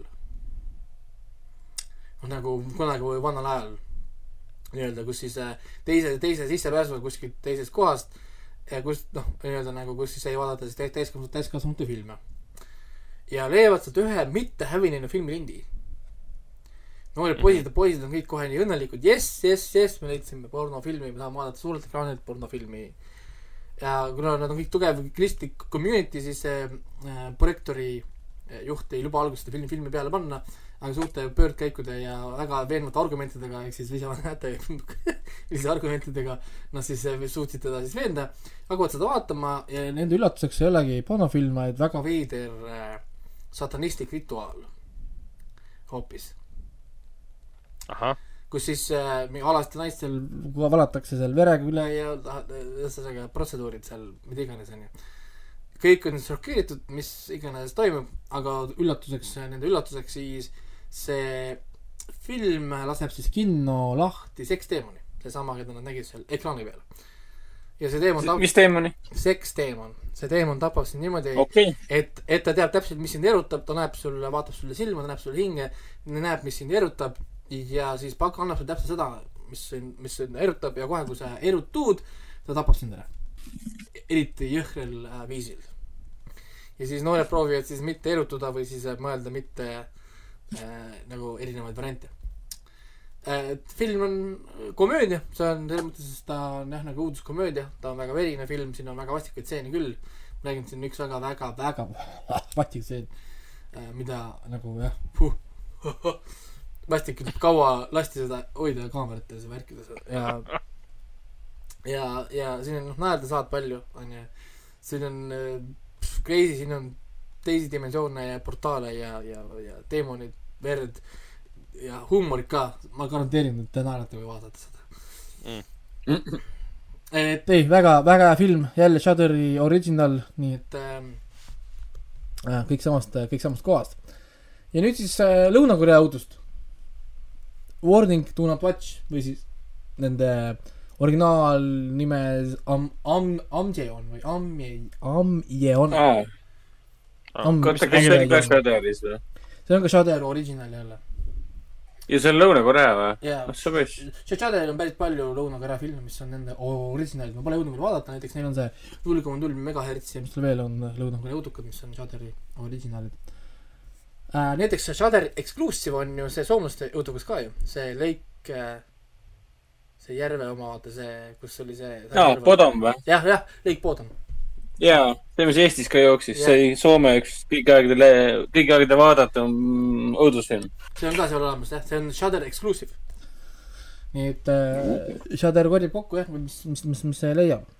siis see Warning to Watch on huvitava premissiga film äh,. Mi Jung on siis üks filmitudeng või äh, mitte ta filmitugeva, vaid tähendab ei, ta on, ta fi- filmikool on läbi, nüüd ta on nagu see algaja siis lavastaja, tähendab ja, ja ta kirjutab neid äh, minijõudusjutte kuskile, ma ei tea, saidile või ajakirjale või whatever kohale ja samal ajal siis valmistab ise enne- ette ka oma esimest õudusfilmi. ehk siis ta proovib leida ja otsida neid erinevaid õudustekste. Ja siis oma otsingu käigus ta poolkogemata satub äh, kümme aastat tagasi äh, linastunud tudengfilmile, mis olevat siis filmitud kummituse enda poolt. Ja ajades selle siis järge äh,, pikk protsess siin filmis, kuidas ta kõike leiab, ta leiab väikse diiseri sellest klipist, noh nagu sellest filmist, nagu reklaamdiiseri, kus ta näeb siis natukene seda filmi ja põhimõtteliselt siis nagu, kuidas väidetavalt siis kummitus on seda filmi nagu teinud. Ja sellest film räägibki. ta proovib siis jõuda selle sala, saladuse järjele, mis film see on, kes selle tegi ja nii edasi äh,. kaks kolmandat filmist oli väga hea, lõpp Mm. not so much. et, et minu arust neil oli nii hea võimalus äh, teha niisugune väga kihvt ja unikaalne lahendus sellele. ma ootasin, et see film, lahendus ka tuleb. okei okay,, nad läksid väga veedrat viisi. noh, mitte eriti veidrat viisi, vaid nad läksid väga lõunakorealikku viisi. mitte happy ending, väga veider, jätsid kohati lahti. sa pead, pead, pead minema tagasi küsima what really happened. aga teist korda ma ei viitsi seda vaadata nagu, et ta on niuke väga niuke äh, ütleme siis, mis on hea, psühholoogiline isegi. selles mõttes. aga, aga noh, paar niukest jump scare'i oli, aga mitte midagi erilist selles mõttes, et et Lõuna-Korea teeb paremini kindlasti. aga kuna meie vennaga oleme ka ikkagi Korea, Lõuna-Korea fännid, siis kas sa soovitad meil ette võtta või mitte? ei, seda ei ole vaja, selle võib lihtsalt äh, skip ida. et see on ta Okei, lõpuks ta päris, päris karm. ei ta lõpuks ei taandu noh millegile nagu ma räägin, et siin on, noh, siin on teatud huvitavad asjad küll, aga sellepärast ei pea tervet filmi vaatama, ma räägin, et, et äh, las see, las see, las see film jääb. vaadake pigem seda pornot näiteks. see on palju äh, hu huvitavam. Te kuulsite seda siin äh, meie, meie üheksakümne kolmandas saates, kus Raiko Puust ütles meile, et äh, parem vaadake porno. see on huvitavam. see on huvitavam. porno on huvitavam, selge. nii, siis äh, räägiks korraks ühest kvaliteetfilmist. See oli siis No äh. Showtime'i pealt vaatasime, on The Children Act aa, see, ja ja, ja see on Emma, Emma Thompsoni kvaliteetfilm, tohutult ilusa pildiga film, jõhker. 4K ultra HD, HDR-is jooksis, onju, ja nihukese kontrastiga filmi pole ammu näinud. vaatasin ekraani, oh my god, kui ilus pilt. ma ei tea, mis kaamerate või, või asjadega nad seda tegid, aga nagu perfecto, onju. ma tundsin, et mu telekas lõpuks nagu andis mulle seda, mille, noh, mille eest ma raha maksin kunagi.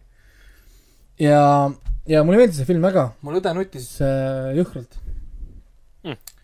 äh,. ikka, ikka mõnuga lasi, tema jaoks oli see oluline teema ka, sest ta ise tahab saada ju kohtunikuks, täna ta on praegu kohtuniku assistent, onju. ja, ja, ja tema tundis väga äh, seda äh, ennast nagu ära siin filmis ja, ja ütleme, samastus.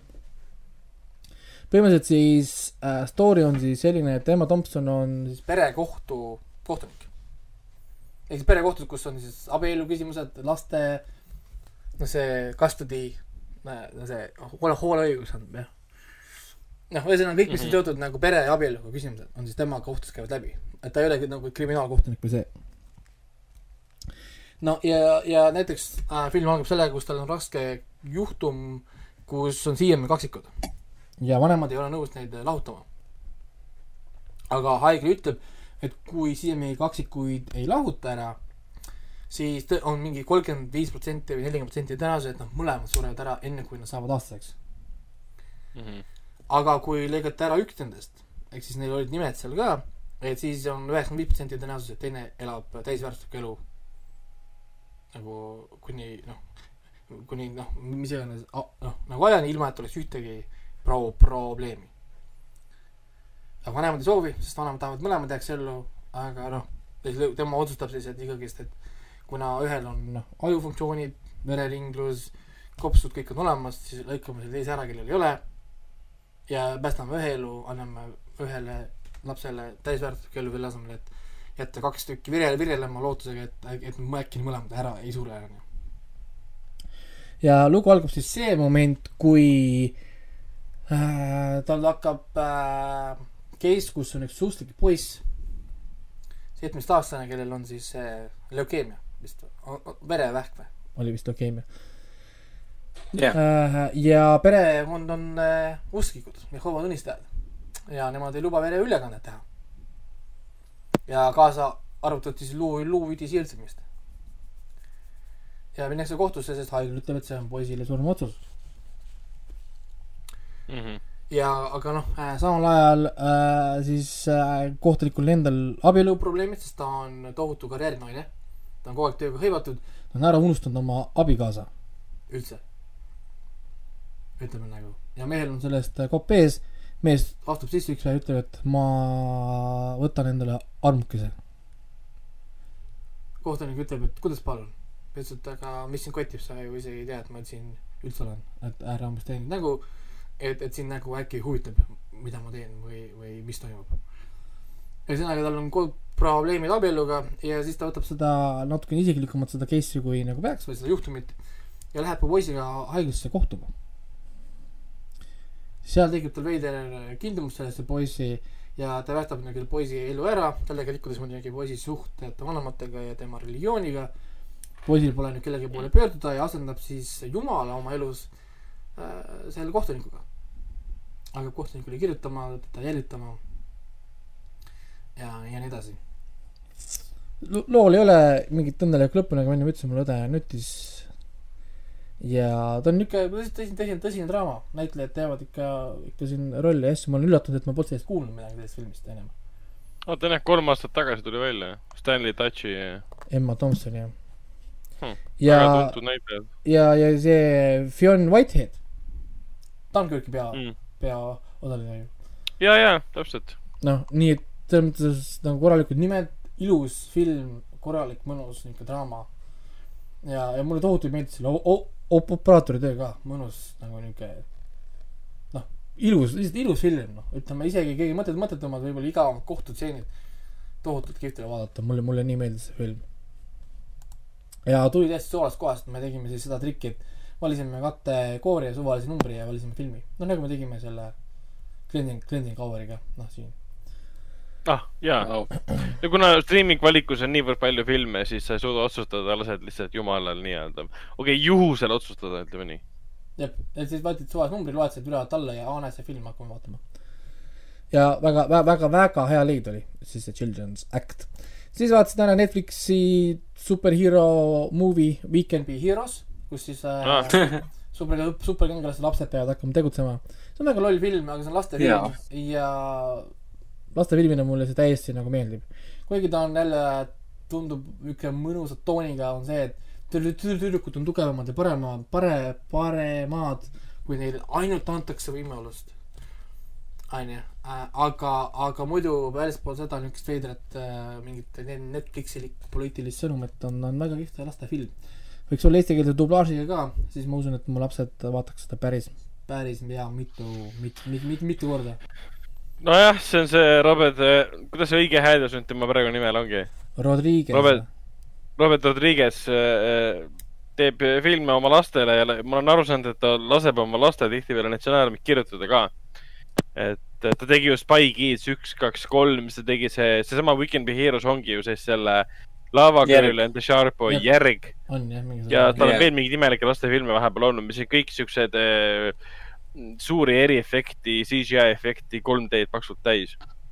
no omal ajal need Spy Kids kolm oli, oligi 3D film, see oli see gimmick 3D film muidugi. jah, jah.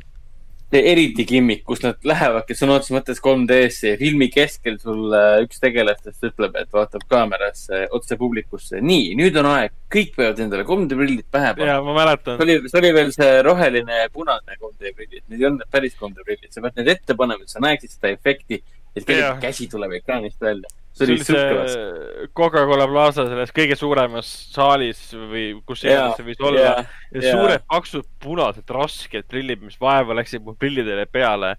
et keegi ei tahtnud neid pikalt kanda, siis lihtsalt nägu valutas pärast. ja, jah, et mul, mul ju kunagi oli Samsungi telekas, mis tuli 3D prillidega, patareid käisid, siis said panna teleka sisse 3D mode. pilt, pilt värises, värises mingi punase rohelisega. oli siis hea 3D või? jah, ei olnud, ma kasutasin seda mingi kaks korda vist. kuule, kas Spy, Spy Kidsil tuli neljas film ka või? ja see vist oli, kaks tuhat see oli? üksteist, aa, jaa, oli Weinstein, Weinstein tootis selle veel. jah, Weinstein tegi. Jessica Alba, Joel McHale, oota, loodame mida helli, siis kas, loodame siis äh, lapstaarid ei pidanud käima tema juures läbi. ei no Robert äh, Rodriguez ja siis, siis Tarantino ja kõik see kampaania, kõik see Miramaxi katuse all sündinud ja tulnud, et äh, pole ime, et see Weinstein sinna seotud oli. nojah, jah, aga siin ma rohkem ei peagi rääkima midagi, see on väga iseseletav film, vaadake treil-, treiler juba näitab niikuinii üheksakümmend protsenti filmist ära ka. siis äh, vaatasin lastega Teliast ühte vana filmi, mida ma polnud näinud. on Cloudy with a chance of meatballs kaks. ma ei ole kunagi teist osa näinud, ma isegi ei tea, et teine osa eksisteerib. me lihtsalt lappasime Telia sellest videolaenutusest vanu, vanemaid filme ja ohoo, teine osa. On hea jah. väga, väga kihvt film on, mulle väga meeldis, mulle meeldis film isegi rohkem kui ja ma olen kuulnud ja, et kui lastele, aga minu arust oli nii kihvt äh, film, et, et ma ütlesin ka, et me peame küll leidma sellest kas siis DVD või Blu-ray, sest ma tahaks seda vaadata. noh, nagu rohkem. oota, kus kohas sa vaatasidki seda? Telia TV videolahendus. aa, okei okay., ma vist, ma vist võtan, esimest seal ei olnud. on, mõlemad, mõlemad on. aa, ma olen ikka tahtnud neid vaadata, sellepärast et äh, nende mõlema filmiga on see Phil Lord ja Christopher Miller seotud. ehk siis Lego Movie'de loojad. Aa ja jaa, see kuradi Twenty One ja Twenty Two Jump Street'i tegijad. ei, väga kuna neil on nii hea huumorimeel, siis on, mulle nii meeldis, ta on nii, noh, ta on nii kihvt lastefilm ja lapsed tegelikult nautisid ka seda. Ja ta on hästi dubleeritud, ehk siis tal on see hea dublaaž, mida kuulda ka nagu, et mul, mul e- esidublaaž on mu standardi nii alla läinud, et ma, minu tahan ainult kuulda. et minu standard on langenud sinna, sinnamaani. niisiis äh, ma jätan Midnight Sky, jätan Ragnarile. nii, ma vaatasin ära Ei, me selle võime- äh, tehtud twenty twenty. aa, see on siis selle, selle Black Mirrori loojate selline special show. ja, ja, ja no ütleme. Ragnar vaatas ka selle ära või? Et äh, siin nende niisugune idee oli umbes see, et nad on, see on nagu paroodia globaalselt kaks tuhat kakskümmend, aga tegelikult on see Ameerika, USA äh,, vasakud lihtsalt äh, nokivad parem, parempoolset äh,, parempoolseid inimesi põhimõtteliselt. Ehk siis tead nalja lihtsalt. siis terve aeg tehakse üle Trumpi ja Trumpi pooldajate üle põhimõtteliselt. Ja ongi, ongi nüüd kõik, kes nad proovivad seda tasakaalustada, et umbes, oh Biden on vana ha,, ha-ha-ha-ha-ha ja siis tuleb mingi äh, kakskümmend minutit mingi ränti, kuidas Trumpi ja Trump supporter'id on mingi ma ei tea, mis iganes, cancer ja põhi ja what- what- whatever. ja, ja, ja, ja pole mõtet rääkida kaks tuhat kakskümmend äh, globaalselt, kus tegelikult räägid ainult Ameerikas põhimõtteliselt. noh, nagu, oh, korraks mainid UK-d ka. Global, we are now global show. noh, nagu, Mm. Et ei olnud, ei olnud väga hea, polnud isegi nii naljakas minu arust, et oota, aga see oli ju ikkagi selle, mis ta nüüd on, see ägeda nimega tüüp? Charlie Brooker või? Charlie Brooker jah, see on ju tema see- tehtud ju ei, see tema tehti, tema tehti küll jaa, lihtsalt nagu jah. siin on kahe, kahe, kaheksateist veel teist kirjutajat, nii et äh, sorry. et, et äh, noh, aa, nii et see on ikkagi pigem äh, siukene mitte ainult. ei, selles mõttes, ei no äh, kindlasti ei tasu võtta, et see on nagu halb, see oli, siin oli väga häid kohti küll. mulle tohutult meeldis see Karen, see How I Met Your Mother'i see päris ema mängis seda Karenit siin. no nagu see klassikaline see Karen, et nagu suure, suure naeratusega vaatab otsa sellele kaamera meeskonnale, kus on üks musta, mustanahaline. vabandust, kas sellel töötajal on luba, aga lubasin ka olla.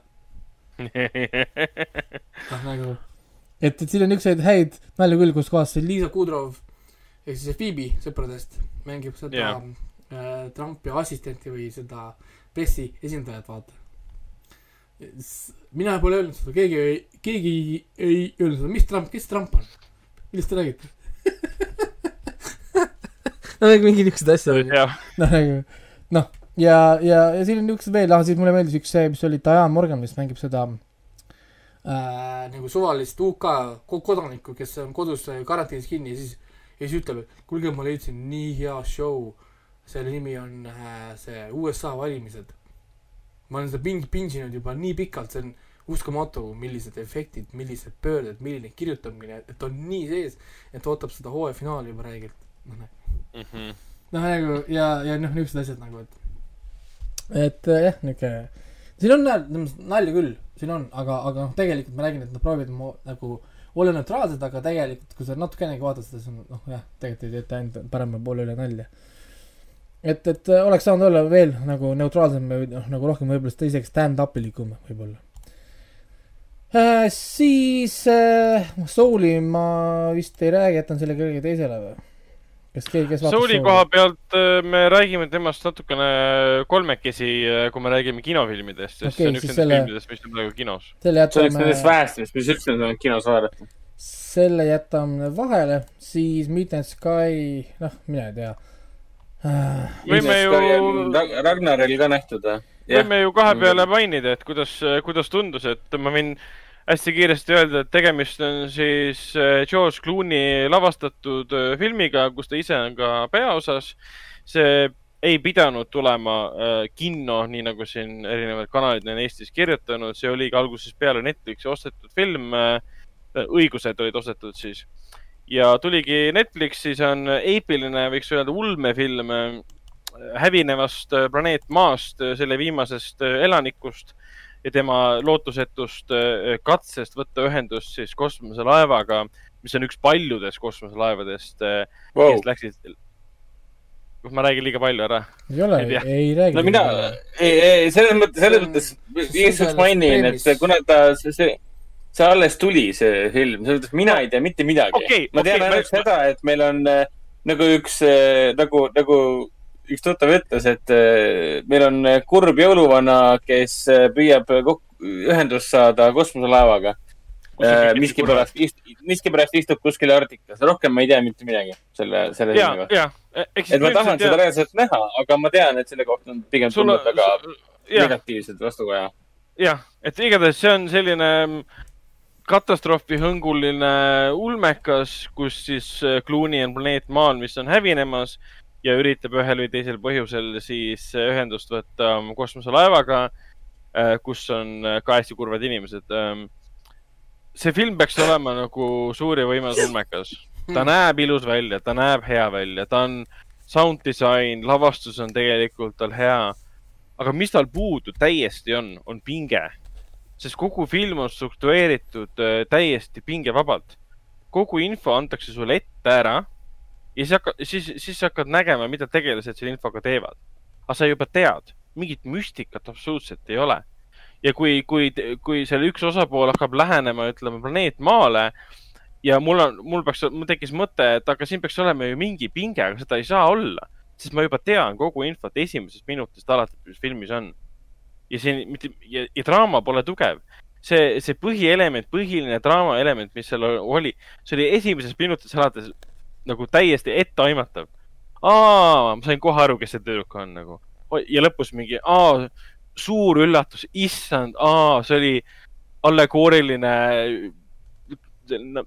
viis narratiivi esitada, milline üllatus, seda pole küll varem tehtud. et siin on nagu sihuke tunne, et Clooney nagu, nagu väga alahindas oma publikut. Ma ei kuule Hendrikut, tal on ka mik-, mikker kinni. rääkige teie edasi, aga ma panen teid enda jaoks vaikseks. Rääkige, andke mulle, andke mulle märku. siin pole enam midagi, see on põhimõtteliselt juba räägitud ka, aga siin jah, aga sa võid jääda, jääda, et selles minu, mõttes minu kõige suurem mure oligi, et see keskmine osa võiks lihtsalt välja lõigata filmil, see oli nii igav. ta, see film on lihtsalt igav. siin ei toimu mitte midagi ja kui toimub, siis, siis toimub hästi, hästi kiiresti ära ja siis on jälle igav. ja, ja Clooney pole halb režissöör, ta on teinud häid filme, The Monuments Men pole üldse halb. see Good Night, Good, Good Night, Good Luck, Good Night ei olnud ka üldse, see oli väga hea film. mis ta veel lavastanud, Syriana, ei, see on tema lavastatud, see oli Steve, see üks see teine oli. Steven Gacken, Gacken, Gacken. jaa, kas ta mitte lavastanud seda Suburbiconi või, see oli täitsa okei film Suburbia. või? ei, Matt Damoniga sa Ei, mõtled, kus Matt Damonil on nägu, nägu siis. ei, mitte Sus-, Suburbicon. jaa, kus Matt Damoni nägu peksti see, kus Matt Damon sai peksa kogu aeg. kaks tuhat seitseteist aasta film, mis tehti ka tegelikult täitsa maha, see on jah tema oma. pigem tehti seda maha. stsenaariumi põhjal. ja ta oligi hästi Cohen-lik, aga mulle ta pigem meeldis. kuigi oli näha, et ta on äh, hästi püüdlikult, ta on hästi-hästi püüab, hästi-hästi püüab seda nagu, nagu oma stiili saada, aga Suburbiconis ka seda samamoodi. Ta ei tabanud seda välku seal pudelis nii-öelda. aga ei, minu arust ta, ta, ta, ta, on teinud väga häid filme, noh, see Eyes of March oli hea, ma mäletan. Leatherhead, seda ma ei ole näinud. ongi, Eyes of March oli hea film ja Good Night, Good Luck ja Confessions of a Dangerous Minds hea film. et ta, tal, tal, tal on oskus olla hea režissöör. aga seekord ta ja, ja nagu..., ja tal on väga põnevad projektid olnud.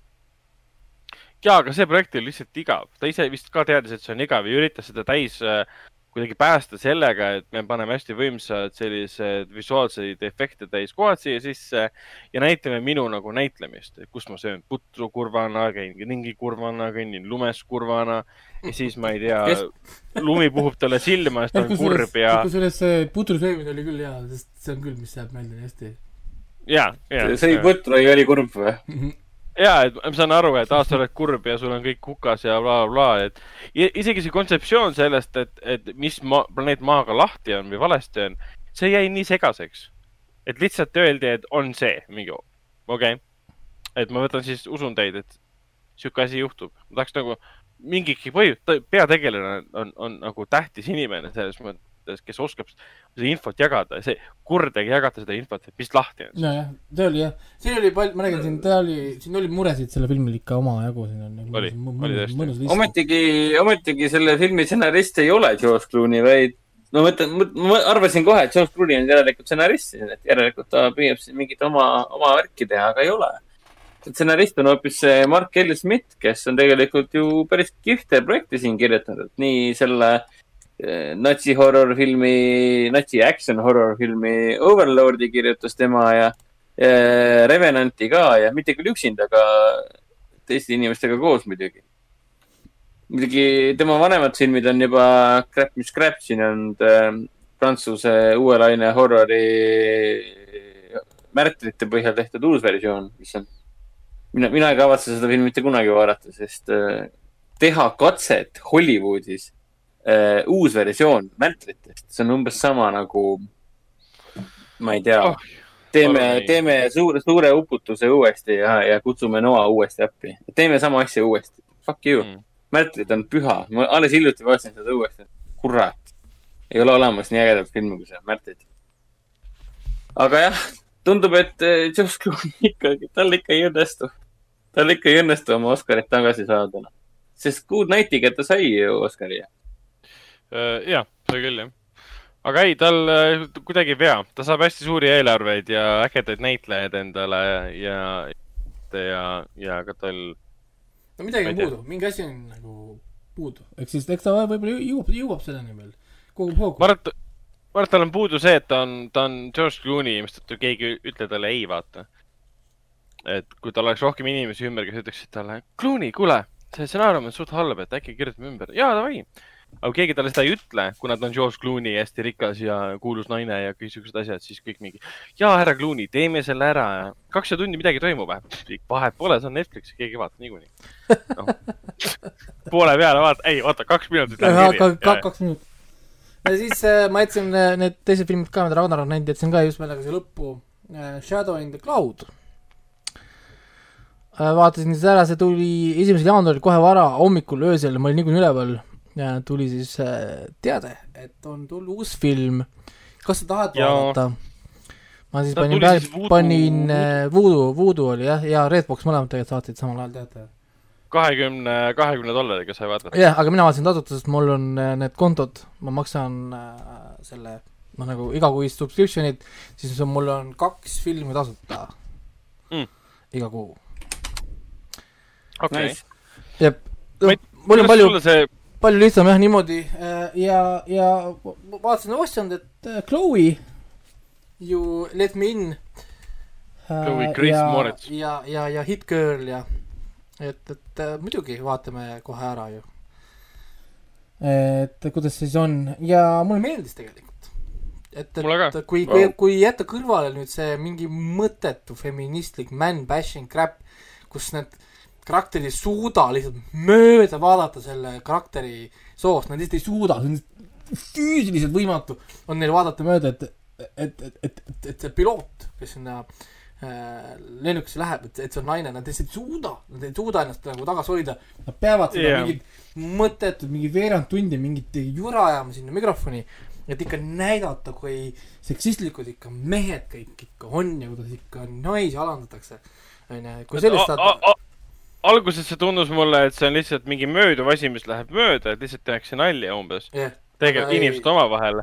aga see läks nagu edasi. lõputult ja siis ma vaatasin, enne kui nagu kogu sündmustik läks räigelt kiiresti tööle, kõik need dialoogid olidki, keelasid või diilisid selle ümber, et peategelane on naine.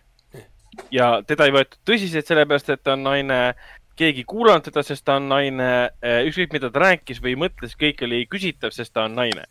Ja mehed kogu selle aja, äh, seal oli mingi üheksa või kaheksa inimest äh, lennukis või midagi laadset või rohkem isegi.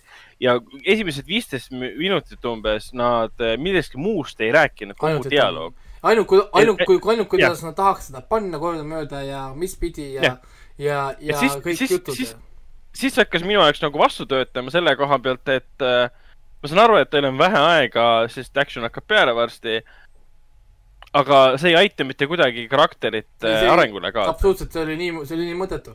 minul point olekski, et oleks pidanud siis saama läbi, kui nad tegid oma esimese jutu ära ja see vastas neile sinna mikrofoni, et ta kuulis neid.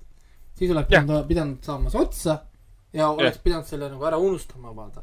aga millegipärast see lavastaja leidis, et oh, me paneme veel me raiume veel ja, ja, ja lõpuks oli see, et noh, ma ei jõua kuulata enam seda, nagu aitab küll. aga ta kasu-, ta kasutaski sedasama sellist äh, naise mittekuulamist ja sellist äh, solvamist, seda räige selle konflikti tekitamiseks.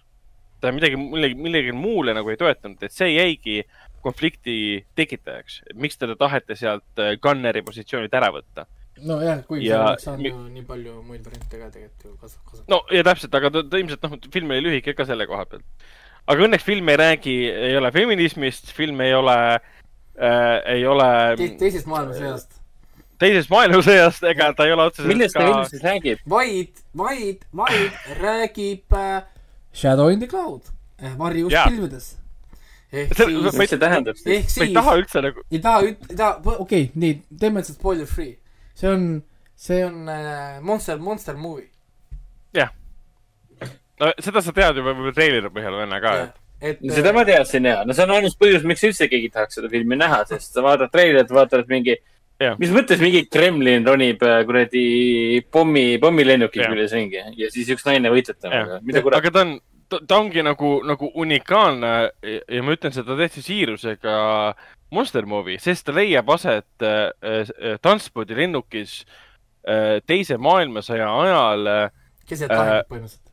jah, keset lahingut ja ainult lennukis. ja isegi mitte ainult lennukis, vaid ainult selles, Gunneri positsioonis, mis lennuki nagu kõhu all, põhjas. isegi kuppel. ja, ja esimesed pool filmi sulle näidati isegi lennuki sisemust, välja arvatud alguses ja siis pärast mingit poolt tundi alles sa näed sisemust. ei ole isegi Ja mitte leid- pool, pool tundi, said esimesed reaalselt tund aega sa oled seal, ainult viimased kakskümmend mi- minutit sa lähed välja sealt äh, jah, ja see oli No, see oli, väga lahe see see oli nii leidlikult tehtud kohati, kuidas ta kujutas ette neid eh, teisi tegelasi, teisi inimesi nii et ta proovis häält, häält, häälte järgi meelde, et noh, nagu tema kuulis kõrvaklappidest nagu neid hääli ja siis ta nagu mustal taustal kujutas ette neid, mida nad võiksid praegu teha, kui nad neid hääli jah. teevad. jah.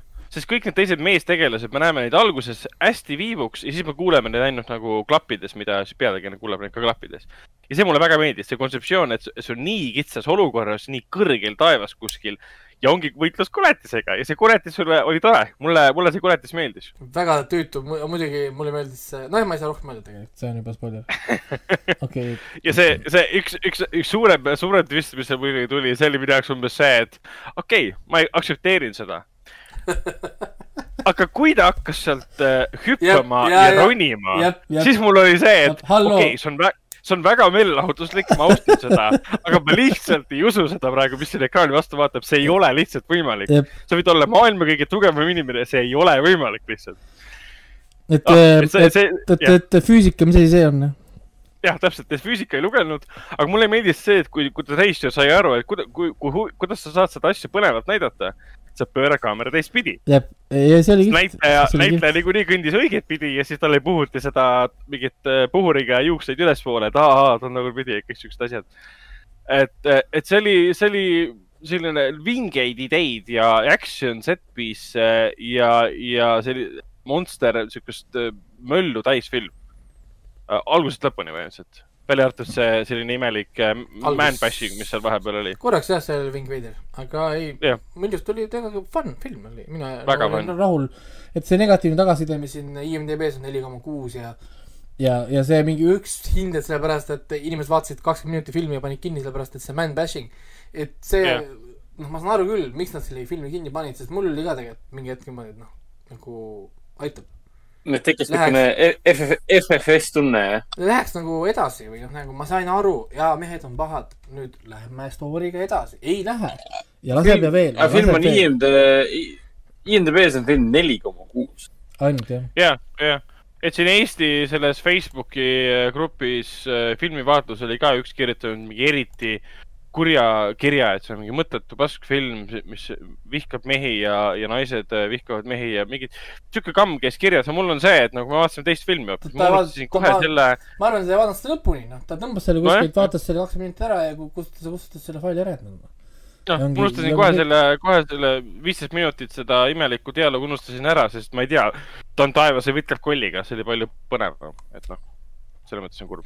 Ja siis see viimane film mul, millest me räägime, enne kui te saate teie rääkida, on Pieces of a Woman. Mida mina pole näinud. mida siis Ragnar on meile siin juba rääkinud paar korda, ma ei tea, mitu, mitu korda olete juba rääkinud sellest. jah, ma olen sellest rääkinud ilmselt siis, siis septembri algusest saadik tegin review sellele ka tegelikult mm. -hmm. ma võin teile share'ida seda pärast uh,. no see on mu üks väga oodatud film, sest see režissöör on väga lahe ja Vanessa Kirby on väga lahe ja vend on seda niivõrd müünud, eriti tänu sellele esimesele avaepisoodile seal filmis. et, et äh, mina nagu, esimene kohe kiitus peab minema Benjamin Loebile, kes on siis operaator. mm,. Mm, jah, et, et see avatseen on ja noh, jah, see on äh, omaette kunstiteos. ja, ja, ja kujutad ette, ma, ma vaatasin seda Veneetsias, ma sain alles pärast aru, kuidas see üles oli võetud. ma ei mõelnud kordagi selle peale, et ta on niimoodi üles võetud. ärge öelge ka, mida see üldse tähendab, sest ma ei tea, kas ühe kaadri No, no,, ühe kaadri võte või mit-, või mida no mit- iganes, noh. mitte päris avatseen, aga see, see põhiasi nagu. see põhiline Ja-, see esimesed pool kolmkümmend minutit, noh, ma ei tea, circa. jah, ja kui ma, kui ma tulin äh, kui kinost, Venetsiast tulin kinost välja ja siis lugesin mingeid arvustusi, keegi mainis seda, ma mingi, oli või? Ehk siis see kaadrisisene montaaž oli nii paigas, et see mõjus reaalselt monteerimisena. aga tegelikult oli kaamera üks lihtsalt. see on, see on kihvt. ja kui sa vaatad selle alguse ära, onju, siis ma nägin, et sa elad seda, seda stuff'i nagu läbi mm -hmm. ja see moment saab läbi, siis tegelikult ülejäänud film ei suuda kaasa minna enam. ei, ma, sellega ma olen nõus ehk. siis äh, algus on liiga, liiga võimas. ehk siis filmi On. probleem on see, et algus on liiga powerful. ja nüüd, nüüd on, ma olen nii üleval, ma olen nii haibitud ja siis hakkab nagu aeglaselt nagu noh, nagu tagasi tõmbama mind või noh, nagu mitte, see ei tähenda, et muu film on nagu halb, ei, lihtsalt esimene osa on nagu nii, nii nagu kont-, noh, nagu ma ei tea, rohkem kontrasti või ma ei tea, nagu vahe on nagu liiga On. suur. et, et veitsa nagu selles mõttes, et see esimene osa lihtsalt nagu varjutab seda ülejäänud nagu filmi. et, et sul võib jääda mulje, et see teine osa on tegelikult halvem, kui ta tegelikult nagu on. jah, ja ta stilistiliselt ka natukene e- erinevad, et tundus, et reisijal ja operaator lihtsalt tegid sellise võimsa nagu lühifilmi ära siis nad tahtsid kindlasti sinna nagu dramaatilise koe ka ümber ehitada, milleks oli siis ülejäänud, ülejäänud osa siis Pieces of Womanist. aga kuidas sulle, kuidas sulle meeldis äh, Shia LaBeouf? ei, Shia on ikka näitleja ta ikka oskab On. teha ja sa, ja samuti see ema tal, see Ellen äh, Ellen Burstyn El, ja, Ellen Burstyn, see on kogu aeg kolm tükki, see on see Ellen Burstyn, see on Shia LaBeouf ja siis on Vanessa Kirby. Jah. onju, ja me kõik need, ma, ma või, võime näha nüüd Oscarite seal. ja kindlasti. kui, kui ei näe, siis on midagi valesti. nomine-, nom-, nomine-, nominatsioonides, et Shia LaBeouf peaks kindlasti olema mees kõrvalosa Mm. ja, ja Ellen Burstyn peaks olema naiskõrvalosa ja Vanessa Kirby peaks olema parim äh, naisnäitleja On. siis. Äh, nominatsioon no, kindlasti kohe. Ma- ma ei kujuta ette, mis, mida, mida selle filmimine talt nagu nõudis või kuidas see ettevalmistamine käis või kuidas see selleks, ma ei tea, kas ta ise on ema või kas ta on kunagi, noh, sest see on nii tundlik teema, et mul üks tuttav isegi küsis ka, et eh, kas tal, kas ta vaatab seda koos oma naisega, kes on tundlik sellistel teemadel ja siis ma ütlesin talle, et ei, kui ta on tundlik, siis ära, ära vaata algust nagu selles mõttes temaga koos et see, kui kui sa juba tead, et ta on tundlik, siis ei. kui asi puudutab lapse näiteks, et see ei. et see, jah, see, see film nagu rabas mind täiesti, et ma Veneetsias Ei, teist filmi nagu noh, mina ka, ma üritasin seda naisele maha müüa endale ja ta ütles, et "Ah, nalja teed või, ta ei vaata seda ilu sees. peale seda minu müügimist ta ütles, et ta blokeerib selle üldse ära, selle igalt poolt sissedest, et ta, ta, ta ei lähe sinna filmi isegi lähedale mitte. sest No, jah. et ta on, ta on siiamaani täiesti katki selles filmis, see Broken Circle Breakdown. ja ta ütles, et Ahaa, ja ta taha ja, ja ta ei taha enam ühtegi filmi sinna kanti kuulda ega näha ega mitte midagi, ta ütles, et talle aitab sellest elu, elu lõpuni sellest filmist. Ma saan sellest täiesti aru, jaa. ma, ma olin ka omal ajal väga katki, aga no ma usun, et iga, iga inimene, kes on siia ellu ühe või rohkem elu toodud, tema on rohkem katki kui mina, et ei, see Broken, ma mäletan seda filmi, see on ah, ah, see oli PÖFFi see oli äh. PÖFFi hittfilm, kõik armastasid seda filmi väga ilusa muusikaga. aga, aga Pieces of a Woman Noh. suhtes on ka, et muusika tegi Howard Shore näiteks koos erinevate tüüpidega. Sõnumit ise on ta äh, mu- muusikalooja. kuule, mis, mismoodi seda lavastaja nime hääldada? Pieces of a Woman'i lavastaja nime. um, no okei okay,, esimene on Cornell on ju, fine, aga see perekonnanimi. äh, Cornel äh, Mundrotso, Mund-, Mund-, Mundrut-. Mundrutso. Mundrutso või?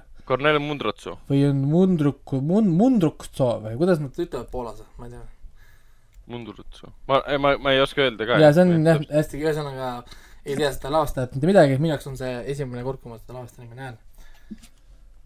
äh,. ei, minu jaoks ka, ta ei ole tuttav ja see oligi seepärast väga nii tore, tore üllatus. Kuigi ta on palju asju teinud, ta tegi selle White Card'i näiteks äh,, mis oli sellest äh, koertest, mis äh, val- valutavad linna ja maailma. tal oli siin palju veel, Jupiter's Moon oli tal näiteks üks tuttav film. palju teinud film ja see on tema esimene nagu USA debüüt selline ja IMDB hinnang üleüldse ei olnud vahepeal suur, praegu on kuus koma, mis ta oli, üheksa kasvab, ainult. äh, kasvab, praegu tõuseb ja ta on järsku visanud üle- üles selle, see film just tuli. noh, nagu yeah. avalikkusele kättesaadavalt, saadavaks ta nagu. aga ta ongi võib-olla selles mõttes raske film, et äh, nagu sa ise, ise ütlesid ka, et see algus on see, mis nagu, nagu on niivõrd võimas ja viib su emotsioonid niivõrd lakke. et siis, kui hakkab nagu see tavapärane versioon narratiivist peale, millega sa oled võib-olla juba harjunud, sa oled juba näinud selliseid filme, mis puudutavad leina ja inimsuhteid ja üleelamist ja noh, ma ei oodanud, et see asi lõpeb nii, nagu ta lõpeb, et ma, ma ei teadnud, kui ta läheb sinna välja. ja siis ta muutub nagu traditsiooniliseks filmiks, et kui seda filmi algusosa ei oleks, siis see traditsiooniline osa filmist ei oleks üldse nii tugev. aga kuna see algusosa on ära, siis me nagu oleme selle Kirby näideldud rolliga niivõrd sees, me oleme niivõrd tema nagu headspace'is tänu sellele algusele. Ja me mõistame läbi ja lõhki teda, kuigi me noh, mina vaatan ei saa elu sees mõista seda valu. aga, aga see algusstseen aitab mul natukenegi nagu kombata pimeduses, mida ta võib tunda. et võib-olla see oligi režissööri eesmärk, see algus teha selliselt kujul täpselt nii, et teha selgeks, et mis see tegelikult tähendab inimesele. on, Ja- jah, jah. ja mõtlesin, et oli põhimõtteliselt nagu ma sinu jutude järgi juba tegelikult ootasin, et nii et see algusstseen on põnev, nagu noh okay., et isegi kui keegi viits filmi lõpuni vaadata, no vaadake ära vähemalt need äh, esimesed mingi circa pool tundi. noh. jah, ma võin ka äkki ülekand Netflixis vaadata, kas oli kolmkümmend minutit. oli minu, minu arust oli mingi pool tundi, noh, et vaadake vähemalt see osa ära, isegi kui üle, üle. no aga film ise, film ise ju väga pikk ei olnud, vist oli natuke, natukene üle kolm, kahe tunni või? kaks null kaheksa umbes. no näed, noh, siis tegelikult päris, päris huvitav, et kolmkümmend minti reaalselt on äh, see salapärane algusstseen. see on, kusjuures ma hakkasin pärast mõtlema, et kas nad ei oleks võinud seda teha lineaarselt teistpidi. kuna me näeme kaheksa päeva ju vist oli või, oli vist kaheksa päeva kokku või? et oleks kaheksa võinud kuud ei olnud või? kaheksa, jah, kaheksa päeva kuu, kuu ajaste vahedega, aga kaheksa jah, päeva. täpselt, jah. ehk siis mina olen mõelnud, kas nad poleks võinud alguses neli päeva. Siis teha see Aa. pikk stseen ja siis, ja Jah. siis veel neli päeva. jah, sellest ka variant on, jah. et, et ma oleks, mind praegu oleks huvitanud, kuidas see film oleks niimoodi mõjunud.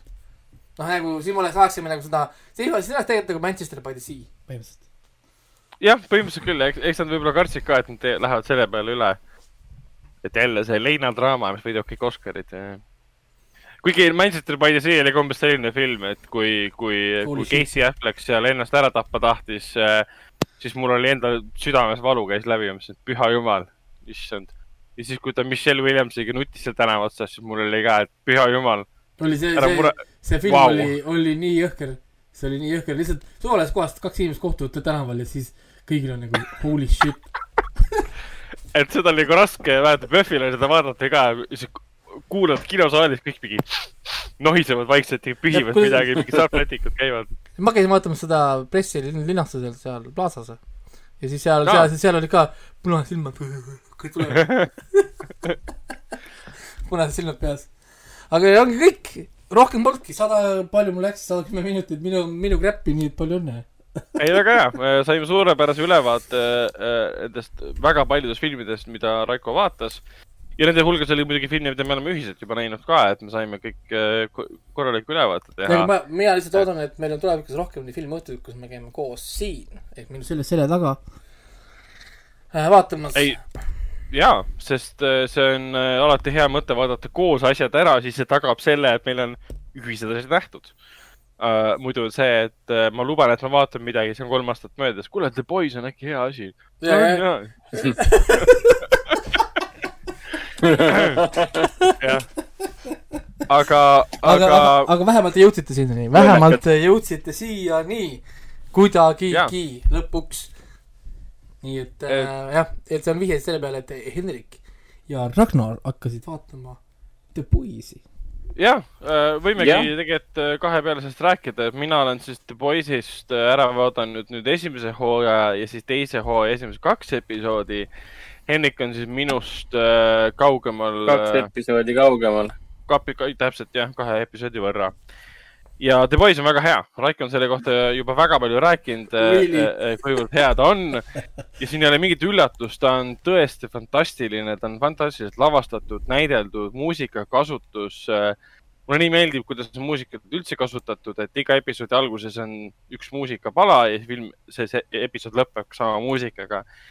Ja siin ja on muusikat on üldse palju selles suhtes. ma sain ma, ma sain ju jõuludeks äh, uued, uued kõlarid endale siin ja jumala mõnus on äh,. siin koroona ajal ma pean kodukontoris olema. sellepärast, et noh, kino on kinni. jumala mõnus on nagu suurte-suurte kuradi kõlaritega, bass käib, kõik nii puhas heli ja muusika käib. vahepeal pean isegi vaiksemaks panema, sest noh No, no,, mul on naabrid ka. noh, aga jah, see Boys on äh, tõesti, mul on tõesti, siinkohal ma tõesti, et mina, Henrik, olles siin Kinoveebi podcast'is, pean äh, vabandust paluma Raiko käest, et ma seda sarja nii kaua aega pole lihtsalt ette võtnud. kohutav, kohutavalt piinlik lihtsalt. on ja Raiko räägib siin, et ja- issand jumal, et miks te ei vaata ja me lihtsalt ei vaata. no aga nüüd, nüüd äkki vaatate ära Umbrella Akadeemia, Ted Lasso. ja, ja täpselt, see ongi minu uus aasta, uus mina. nüüd vaatate ära Kuroko, no basketit võib-olla, võib-olla kunagi jõuate Re-Zeroni ka. no oot, oot, oot, oot, mul on vaja Queen's Gambiti viimased kolm osa ära vaadata, mul on vaja siis Boys ära lõpetada, mul on vaja see Ted Lasso ette võtta äh,. Umbrella ja nii edasi, aga Boys on tõesti, et kui tõesti, see Raiko on muidugi rääkinud sellest nii palju juba ka, aga ei väsi kordamast seda, et äh, kui on tunne, et tead, superkangelased, nad on kõik Disney printsessid ja printsid ja, ja see on kõik nii ohutu ja see on laste värk ja tead, jätke rahule oma superkangelast, siis, siis vaata The Boys'i, siis sa alles ja saad teada, tuleb mida tähendab. Ja siis tuleb Home, Homelander. Siis tuleb Homelander, võtab su peast kinni ja lihtsalt lömastab selle pss, niimoodi, et kõik see see- neli inimest on siin verega kaetud. no see, seesama tseen ju, kus ta lõpus on selle, mis ta nimi oli Oh, lõpus. esimese hooaja lõpus ma räägin praegu. selle Okei. aa, see, see, sa, sa mõtled teda, ja, ja. juhataja, kes, kes tal piima andis. no ära, ära nüüd, jah, täpselt. see oli umbes selline, mul oli karp lahti lihtsalt. esiteks see piim, kõik see eelmäng, mis tuli kuni enne seda esimese hooaja finaali, eelmäng. ja siis lõpuks see, see, see plahvatuslik lõpp nii-öelda sõna otseses mõttes. mul oli tõesti suu lahti lihtsalt. Elizabeth Shue, mul on alati, alati meeldinud mingites filmides, mida ma täpselt ei mäleta, kus ma teda näinud olen, aga ta hästi, hästi äge näitleja, väga hästi vananenud ka, minu meelest väga kõva roll oli tal siin äh, jaa, esimeses hooajas. Ja kurat, noh, kogu aeg on, teises hooajas samamoodi, et noh, kuule, kas seekord tuleb niisugune rahuliku algusega episood või, siis tuleb üks tegelane, tuleb teine tegelane, teine tegelane vaatab teisele otsa mingi, pea lendab õhku. oota, mis, mis tegid nüüd? kes, kes tegi, mis mõttes verised on jälle? et nagu, aga jaa muidugi, äh, Anthony Starri peab muidugi kiitma Jaa., aga Kar-, Karl Jaa. Urban lihtsalt Uh! uh,, minu, minu lemmik, kui see vend tuleb ekraani peale, sa ei saa mitte naerda, sest. Jah. Jaa, ta on surus sulle nii tore. naeratuse peale. siis on. Pluss ta on nii väsimatu, ta on nii väsimatu ka, ta ei, What do we have here? ja siis see ka, et see tema lemmiksõna, mis ta, ta on mitu korda seda öelnud, mingi fucking diabolical. Fucking diabolical. ja see, kuidas ta konstantselt nagu ropendab ja ühel hetkel ta selgitas ka ära, et need roppused, mida ta kasutab, on tegelikult, on positiivses võtmes ja negatiivses võtmes. Ma ei hakka siin välja ütlema, mis roppused need olid, aga, aga mõte oli tal väga selge, et, et et jah, see üks C-tähega sõna on mõeldud antud juhul väga positiivses mõttes, teine, teinekord on C-tähega sõna mõeldud, mõeldud Jah. väga ma negatiivses nüüd ootan väga, kui te jõuaksite teise hooaja lõpuni ja kommenteeriksite teise hooaja lõputseeni. oh jumal, ma ei taha teda kiiresti vaadata, mul tekib tühi tunne sisse, et äh, ootama ja, hakkama et. see kõik, kõik on nii hea, et kuidagi imelik on, et ta hakkab lõppema. Aga ta ongi nagu õigel ajal välja tulnud seriaal, mis, mis on täiesti ideaalne nagu selline vastumürk sellele Marveli ülemvõimule, mis puudutab superkangelase, superkangelaste pilti või kujutust või isegi DC äh, vastus ka neile, et, et sa võid teha ülimalt naljakalt, roppu, verist, nihilistlikku, ma ei tea, mingit äh, sotsiopaatset äh,, äh, täiesti niisugust musta huumorit ühes ja samas filmis äh,. ühes samas seriaalis näiteks. Ja samas mitte ainult, sest ta on ju tohutult äge kommentaar tegelikult ju ärile kui sellisele.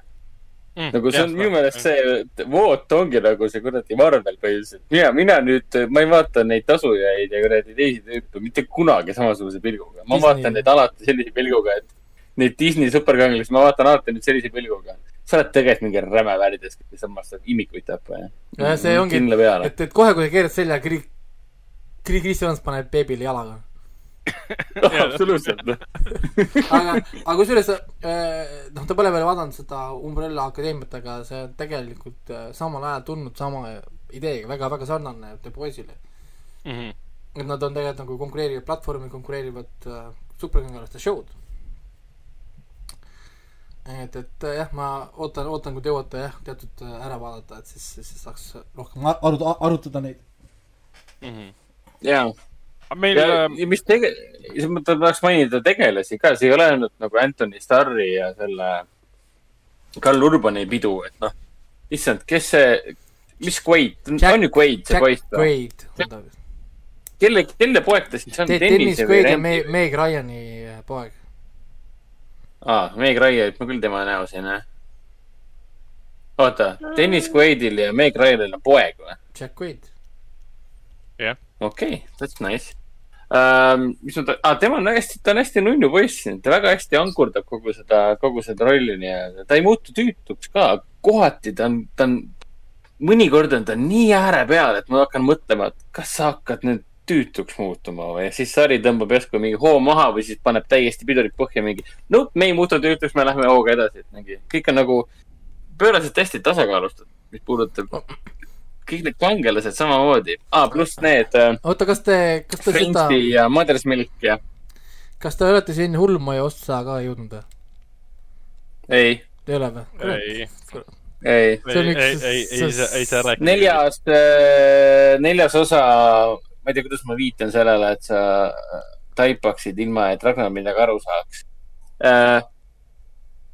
maja, Black Noir ja aa jaa issand, see on ka päris hea. see on see osa et et me ja pluss Kiimik, et me saame lõpuks natuke rohkem teada Black, Black Noiri kohta ka.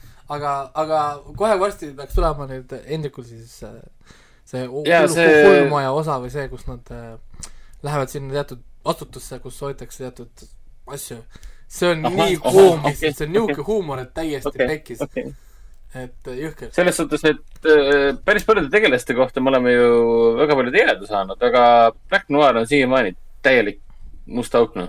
see on Nagu- otseses otseses ma mõttes. tean, ta on väga võimas ma. tean, et ta on purunematu ja ta näeb välja nagu mingi wannabe Dark Knight ja annate ägedam.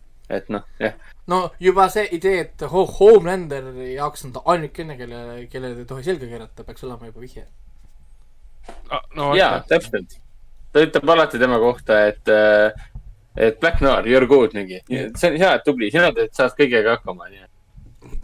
Ja siin muidugi see, ma tahaks seda ka mainida, et see Karl Urbani need äh, ropeldumised on siuksed geniaalsed. siin, siinsamas selle teise hooaja neljanda osas, osas oli see teema, kus siis äh, Karl Urban ütles sellele Hugh'ile, et mingi, ah, mis sa mõtlesid, et, et see on nüüd mingi õnneliku lõpuga lugu või Hmm. ei, Hugh'i, see ei ole selline mašaas.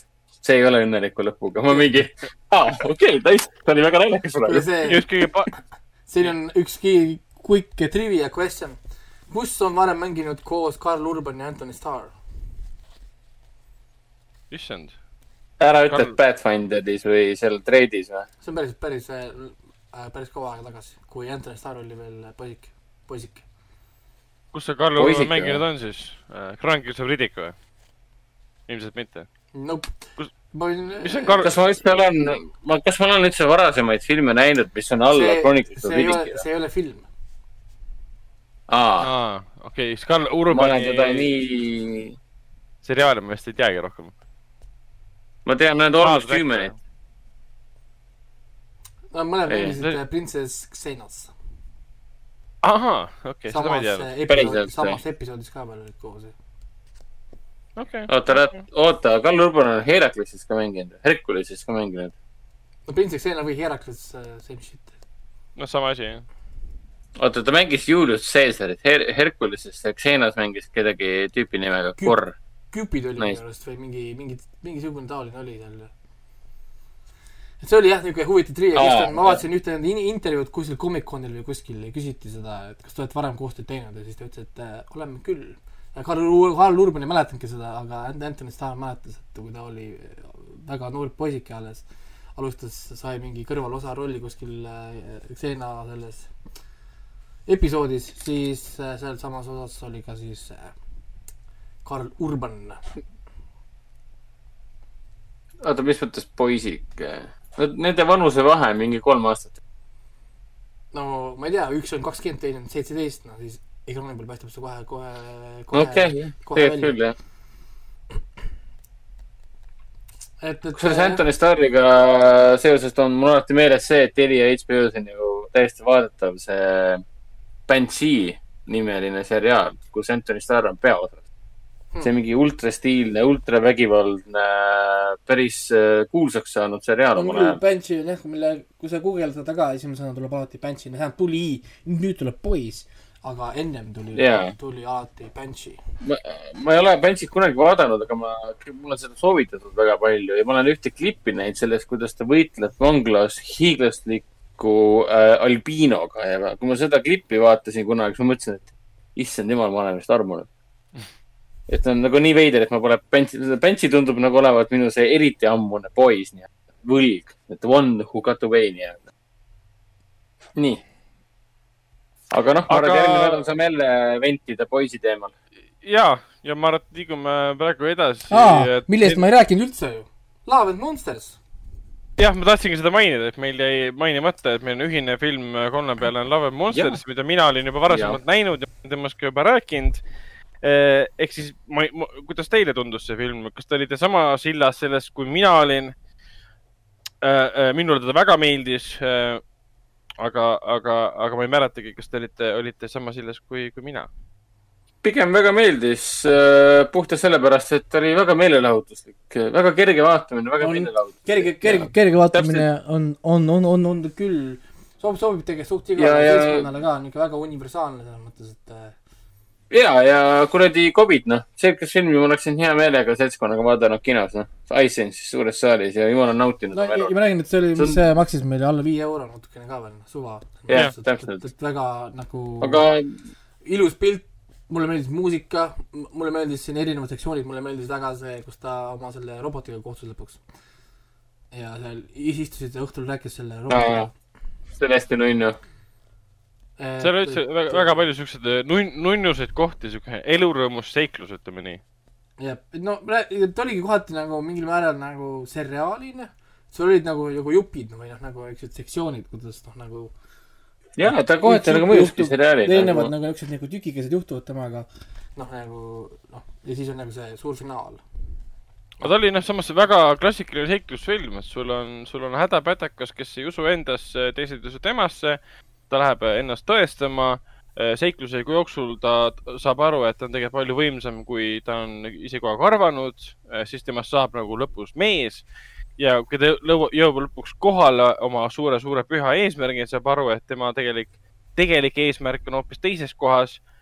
et tema süda kuulub kuskile mujale hoopis ja võtab tagasi uue, uue teekonna nagu ette. no see on see klassik- klassikaline. klassikaline lugu, et, et teada, mida sa igatsed, pead ennem selle lahti laskma. no täpselt, on see klassikaline kangelase teekond beat by beat paika pandud, aga siin on ägedad koletised, ägedad tegelased um,. noh, see näitleja äh, Michael Rooker näiteks mängib siin väga lühi- lühikese, aga hea rolli teevad ja, ja huumor on väga paigas ja mulle meeldib see, et huumorit korrati päris tihti, korrati palju. selle koha pealt äh, siin on üks huumori, huumoripunkt, punktidest oli see, et äh, sa ei saa kahte asja korraga et üks on see, et sa kas äh, sööd ja liigud magad. edasi või magad ja liigud edasi, aga sa ei saa süüa ja magada. ja seda tehti kolm, neli, mingi viis korda ja see on siuke püsiv nali, mis muudab tegelikult su karakteritega nagu, nagu familiaarsemaks. et sa nagu mõistad nende seiklust nagu rohkem või nende teekonda rohkem. et jah, selles Ja- mõttes nagu selles film lõpeb selliselt, et järg on ju tulemas nagu või noh, nagu vihjaks nagu järjele. nojah, ei kuulda küll ei ole, et nüüd. ei, ma räägin, aga see film lõpeb selliselt nagu, et aa, selles mõttes jaa, eks kõik on võimalik, et äh, eks ma ei, ma ei tea, kui populaarne ta siin erinevates VOD-kanalites nüüd oli. ei ta on ikka olnud tipus mi-, et kui sa võtad lahti need äh, rentalid, siis ta on top rentalites olnud nüüd juba päris kaua aega tegelikult. Mhm. ja, ja need sum- summad ei ole tegelikult üldse väiksed, sest tavaliselt kui, kui sa näed neid top rentaleid, siis äh, hiljem, kui sa loed neid box office'id ja numbreid, siis need on ikka tegelikult nagu suured. noh, viis euri nägu, me olime üks nendest, ütleme, kes maksis seda viis euri, onju. aga, aga noh, kui meid on kokku kakssada viiskümmend tuhat inimest, kolmsada tuhat inimest seda rendib, see on ju raha. nii et äh, jah, jaa, aga ei, ilus pilt, mulle väga meeldis see pilt, kuigi mind veits jäi häirima see Fallout nelja võib-olla li- kohati nii otsene rip-off, et jah, eks, eks kõik need, ütleme, need äh, sellised post-opo maailmad on pärast Fallout nelja, Fallout nelja rip-off'id. no aga see linnad, sorry, need äh, kaadrid ülevalt, kaamera liigub, koeraga koos kõnnib, mul oli see, et ähm, kus see logo on, et see Be- Bethesda logo kuskil peaks ka siin olema. jaa, tõsi, tõsi. aga Hendrik tahab midagi veel äh, lisada? ei, kõik, vaadates, kõik on juba, kõik on juba mainitud ja räägitud selles mõttes, et kas ta nüüd eelmise aasta parim film oli, aga top kahekümnes oleks ta kindlasti Mm., ta mul läkski. ei, mul oli selleks ajaks juba tehtud see top nii-öelda. aga noh, põhimõtteliselt ta on top kahekümne vääriline, isegi võib-olla top kümme. noh, sa tahad midagi lustlikku näha ja tunda ennast hästi ja sulle meeldivad sellised äh, ägedad fantaasiafilmid, siis see on nagu perfektne. jah, täpselt nii. pluss Kuule, aga... aga- Dylan, Dylan O'Brien on väga tore tüüp. Ja temast räägitakse päris palju, et ta sarnaneb sellele ähm, River Phoenixile väga. oli vist River. Phoenixiga? jah. jah. et ta on üldse nagu klassikalise Hollywoodi staari äh, välimusega, no eks tema näitlemises oli seda näha ka. vot, aga Hendrik, sa oled vaadanud äh, Nicolas Cage'i uut äh, dokumentaal äh, seriaali joo His,. History of Swear Words, mis nüüd Nicolas Cage on äh,, jah, ta vist, mis ta, mis ta, üleeile või? kolmapäeval või tuli. midagi. sellist. või kolmapäeval jah. nüüd ta on siis põhimõtteliselt äh, saatejuht, kus ta siis, ta on, ta on see raamiv, raamiv äh, juhtfiguur selles äh, History of Swear Words'is. ehk siis tema on selle, selle, selle dokumentaalsarja, väikse, pisikese dokumentaalsarja, iga episood on kakskümmend minti, et on see sihuke juhtiv jõud nii-öelda ilma temata oleks saade vast natukene liiga, muidugi lihtlabane või pigem tüütu. aga tema on see, tema on see näts, mis kõike koos hoiab ja maitseb eriti hästi, sest ta nagu täiega own ib seda iseennast. ta on nagu, Nicolas Cage on oma karjääris jõudnud või oma elus jõudnud nii kaugele, et ta on nagu, ta on nagu karakter ise nii-öelda. ehk siis Nicolas Cage võib hakata äh, mängima nüüd Nicolas Cage'i täiesti vabalt ja seda ta siin saates teebki. ehk siis ta on nagu parim osa sellest. aga saate, selle sarja põhimõte seisneb selles, et äh, sellised sõnad nagu fuck, shit, bitch, dick, pussy and damn võetakse siis ette. Mhm. väidetavalt on see esimene hooaeg, et järelikult tuleb neid sõnu siis veel. Igatahes selgitatakse ära, kust need sõnad tulevad ja kuidas neid tänapäeval kasutatakse. ja äh, kuidas need on läbi ajaloo kasutatud. mis on iseenesest üsna informatiivne, siin on vastavad koomik, noh, koomikud on eelkõige, just peamiselt koomikud on siin või, või stand-up'i ja ta on ette võetud äh, ja nemad aitavad seda konteksti justkui laiendada.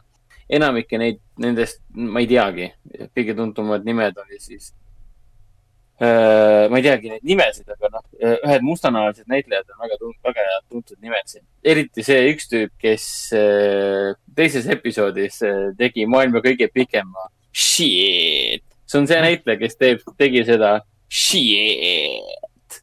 et ma ei mäleta, mis ta nimi on, aga see, Ma isegi filmi nime ei mäleta.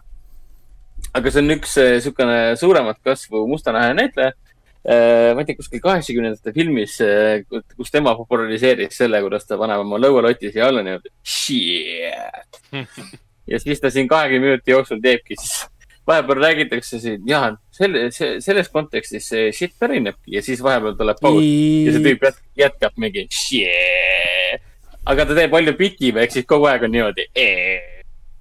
mis on kohati väga-väga naljakas, et aga ta on hästi lihtne. ma ütleks labane, aga hästi lihtne sarja formaat, see läheb, läheb absoluutselt kõigile peale. et ta ei ole, ta on eelkõige ikkagi meelelahutus, niisugune populaarteaduslik nii-öelda, võiks öelda aga õnneks mitte päris selline, noh, nagu ma ei tea, mingi imeline ajalugu, et äh, iga teine asi on seotud äh, kas siis Hitleri või Staliniga. et kui poodi lähed äh,, lähed kakskümmend aastat tagasi, lähed poodi, vaatad, imeline ajalugu, Hitler on kaane peal. Kakskümmend aastat hiljem lähed poodi, imeline ajalugu, Hitler on kaane peal, mida? minu meelest on, jah, ma hakkasin nagu rentima imelise ajaloo ja imelise teaduse. minu meelest nende kaanepiltidel on ainult kaks asja, Hitler või Stalin. või siis mõnikord viikingid ka.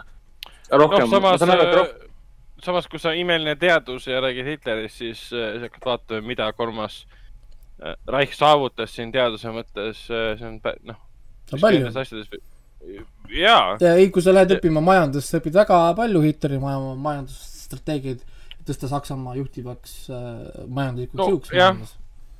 või kasvõi see, et noh, mis, mis, mis äh, sõjaväelisi rakendusid äh, suutsid välja mõelda ja leiutada kõik need V2 või mis need raketid ja samas, samas need see- gaasi, gaasiarved, mis, mis värk nendega oli?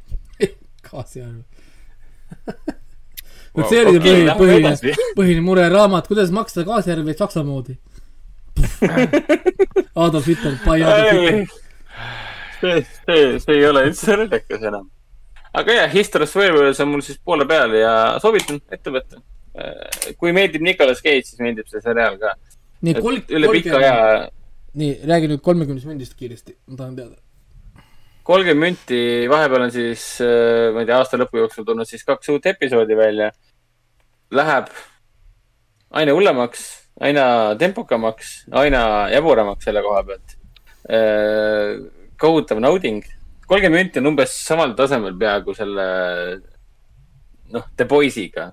Mitte küll võrreldav, aga nagu ütleme nii, et see ja ma saan aru, ja ma saan aru, ma saan aru, mida sa mõtled, ma saan aru, jah. ja, et see, see erutuse tasand, kui sa hakkad igat episoodi vaatama ja siis tuleb algustiitrist sisse, sa näed umbes siuke tunne, et oh jumal, näed nüüd ju, mis nüüd Juudas jookseb seal, Mis mis nüüd saama hakkab. Juudas.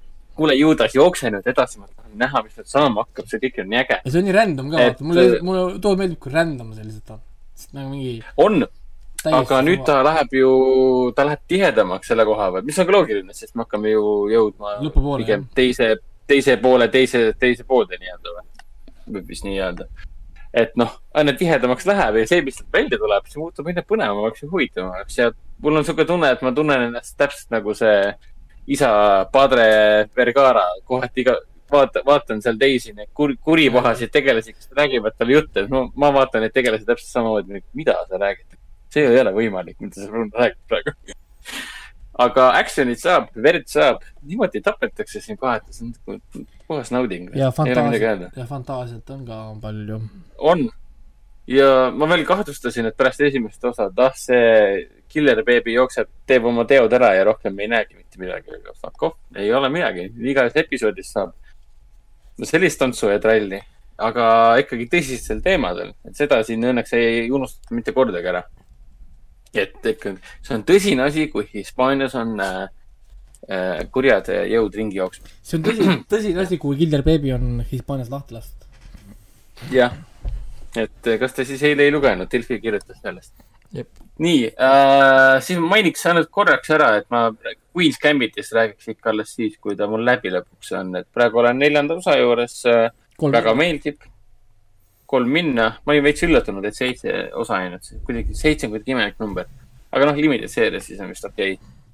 uh,. Anya Taylor-Joy on uh, vapustav, need silmad nagu, vau Jah., haige uh,. ma enne ka fännasin teda muidugi tänu Splitile ja sellele Which mm, Wit- Witchile, mida ma näinud pole. Oh my god, sa pole Witchi näinud? Morganit on näinud. ah,? Morgan, Morgan. Morganit sa nägid jah Morgan jäi mul kunagi pooleli ah.? mingil põhjusel ja ta, ma kinos vaatasin, aga kinos äh, mingi tööasi tuli vahele ja jäi pooleli. ja seal oli ta hästi kihvt, aga film ise mulle vist väga ei meeldinud, ta kuidagi vaimuvaene oli. aga Anja oli seal tore. Anja on alati mulle meeldinud. eks ma peatun selle peale hiljem, kui ta on kaugemale jõudnud ja Cobra Kaist ma olen juba rääkinud. aa, siis ma lõpuks võtsin ette, vaatasin selle Michael Shannoni ja Michael B Jordani uue, uusversiooni sellest äh, Ray Bradbury äh, raamatust Fahrenheit nelisada viiskümmend üks. ehk siis on see Fahrenheitides kraad, mille, mille, millega hakkavad siis raamatukesed põletama, põlema. sest Fahrenheit ju räägib selle loo sellest, kuidas meil on äh, kauge niisugune düstoopiline tulevik, kus absoluutselt kõik raamatud pannakse põlema. kõik, mis ei sobi äh, valitsevale, noh, diktatuurile põhimõtteliselt. no eks see on kohe, kohe varsti, kohe varsti tuleb. no Jaa. jah ja,, enam-vähem. kaks võimalust, et kas Fahrenheit või siis The Division kaks, sest noh, USA-s on kodusõda ja viirus möllab, nii et ma arvan, et Division kaks on vist hetkeseisuga või, tõenäoline. või I am legend, mille tegevus on aastal kaks tuhat kakskümmend üks. Fuck, ja, ja ei on, tegevus on kaks tuhat kakskümmend üks ja zombid tulid ju sellest, et toimus massvaktsineerimine, mis läks valesti. fuck. jep, jep, kuule, ma, ma vist lähen ka antivekselite sinna rühmitusse,, kuulge, kutid, my bad. issand jumal. Raiko mingi, siis kui kõik inimesed muutuvad mingi twenty eight days eh, later'ist ja zombid, Raiko mingi, aa, my bad. ups.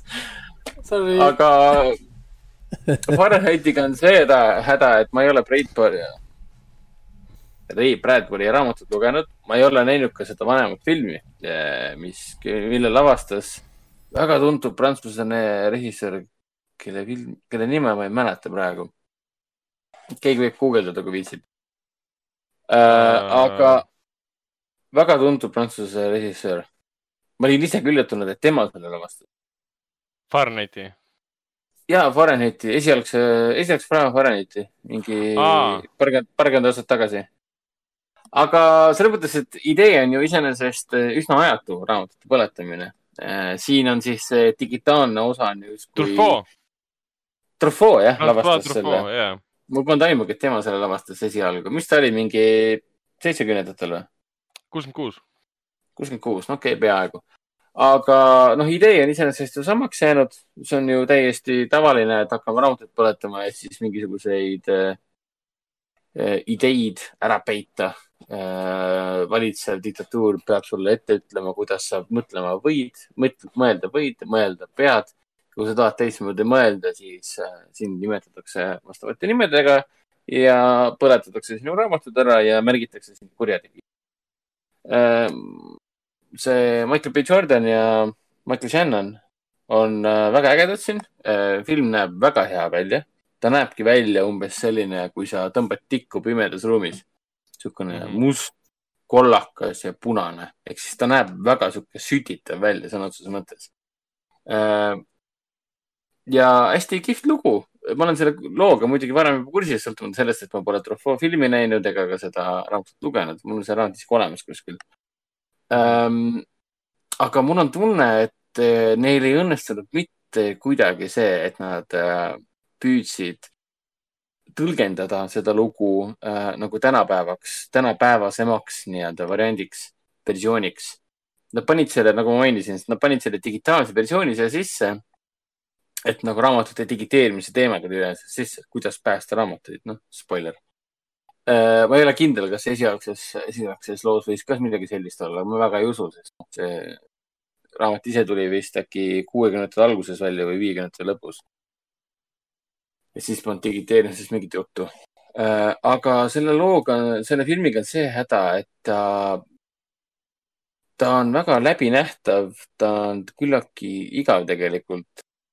ja ta lihtsalt kulgeb, et, et ütleme nii, et peategelane, kelle, keda me peaksime mõistma ja, ja kelle, kelle rännakul me peaksime justkui kaasa elama, sest peategelane on tuletõrjuja, kelle elutöö on raamatuid põletada ja püüda kinni inimesi, kes äh, raamatuid loevad ja neid levitavad. ehk siis äh, riigi, riigireeturid, riigivastased nii-öelda. aga kui temas hakkavad toimuma muutused, mis siis panevad uuele teekonnale, nagu ikka, klassika, siis neid muutusi filmis väga ei põhjendata. Seda tehakse hästi üldiselt ja pigem äh, noh, ütleme nii, et lampi, kui labaselt öelda. asjad juhtuvad äh,. miks nad juhtuvad, seda täpselt ei põhjendata need juhtuvad umbes niimoodi, et sa saad sellest aru, et sa saad aru sellest, et miks ta juhtub, aga kas ka tegelane saab sellest aru, see on nagu pigem juba ükskõik, et peaasi, peaasi, et publik saab aru, et sündmused peavad sellisel kujul juhtuma, aga kas see on ka põhjendatud, kas see on ka selgitatud vaatajale, kas visuaalselt välja toodud, see on nagu juba selline noh, teisejärguline mõte seetõttu see ka film kannatab väga, et see filmi teine pool, mis oleks pidanud olema väga põnev ja väga pingeline äh,. kuna kogu lugu oli juba nii läbi näritud ja läbinähtav ja, ja ma saan aru, et see umbes, umbes samasugune efekt tekkis, nagu sa kirjeldasid seda George Clooney Midnight Sky'd. Ehk siis filmi alguses peavad aru, et aa, kas see on niimoodi või siis tuleb filmi lõpp mingi. aa, te filmis saite alles praegu aru, et nii on või? aga ma teadsin juba poolteist tundi tagasi ju ja, et tegelased oli- jõuavad äh, järgi mingile infole, mis on vaatajal ammu teada. no ongi, et vaataja vaatab kaks tundi filmi mingi, aa, aga ma juba tean seda viimased nelikümmend viis minutit. kas see on uudis või? Teie jaoks või? kuidas te ei teadnud seda siis? et noh, jah, et milleks te seda, milleks te ei pinguta siis, miks te ei pinguta siis nagu reaalselt pingelise loo jutustamise, jutustamisele, Fahrenheitis oligi see häda, rääkimata siis nendest imelikest sisuaukudest, et ähm, meile räägitakse, et USA on sellise diktatuuri küüsis. raamatuid püüakse digiteerida, elu eest päästa, inimesed õpivad raamatut pähe ja kõik siuksed asjad. see oli päris kihvt asi, et ta mm -hmm. kohtub inimestega, kes on raamatut pähe õppinud. Kellel on äh, neli raamatut peas, kellel on nelisada viiskümmend üks raamatut õppinud. ja nad korrutavad seda kogu aeg, et siis kirjasõna kaduma ei läheks aga, aga kuna kontekst on see, et nad püüavad ju raamatuid smugeldada Kanadasse, siis, siis tekkis paratamatult küsimus, et eh, kas siis üheski teises riigis nagu ei ole raamatuid või, või miks te lihtsalt ära ei lähe sealt? Ja, ja siis Kanadas neid samu raamatuid ei loe või milles no probleem on nagu? kui mujal maailmas seda probleemi pole, siis eh, ja kui riigist saab eh, lahkuda, siis miks te ära ei lähe? ja, et kui su riik on äh, sind tappa üritav diktatuur, äh, miks sa seal siis oled?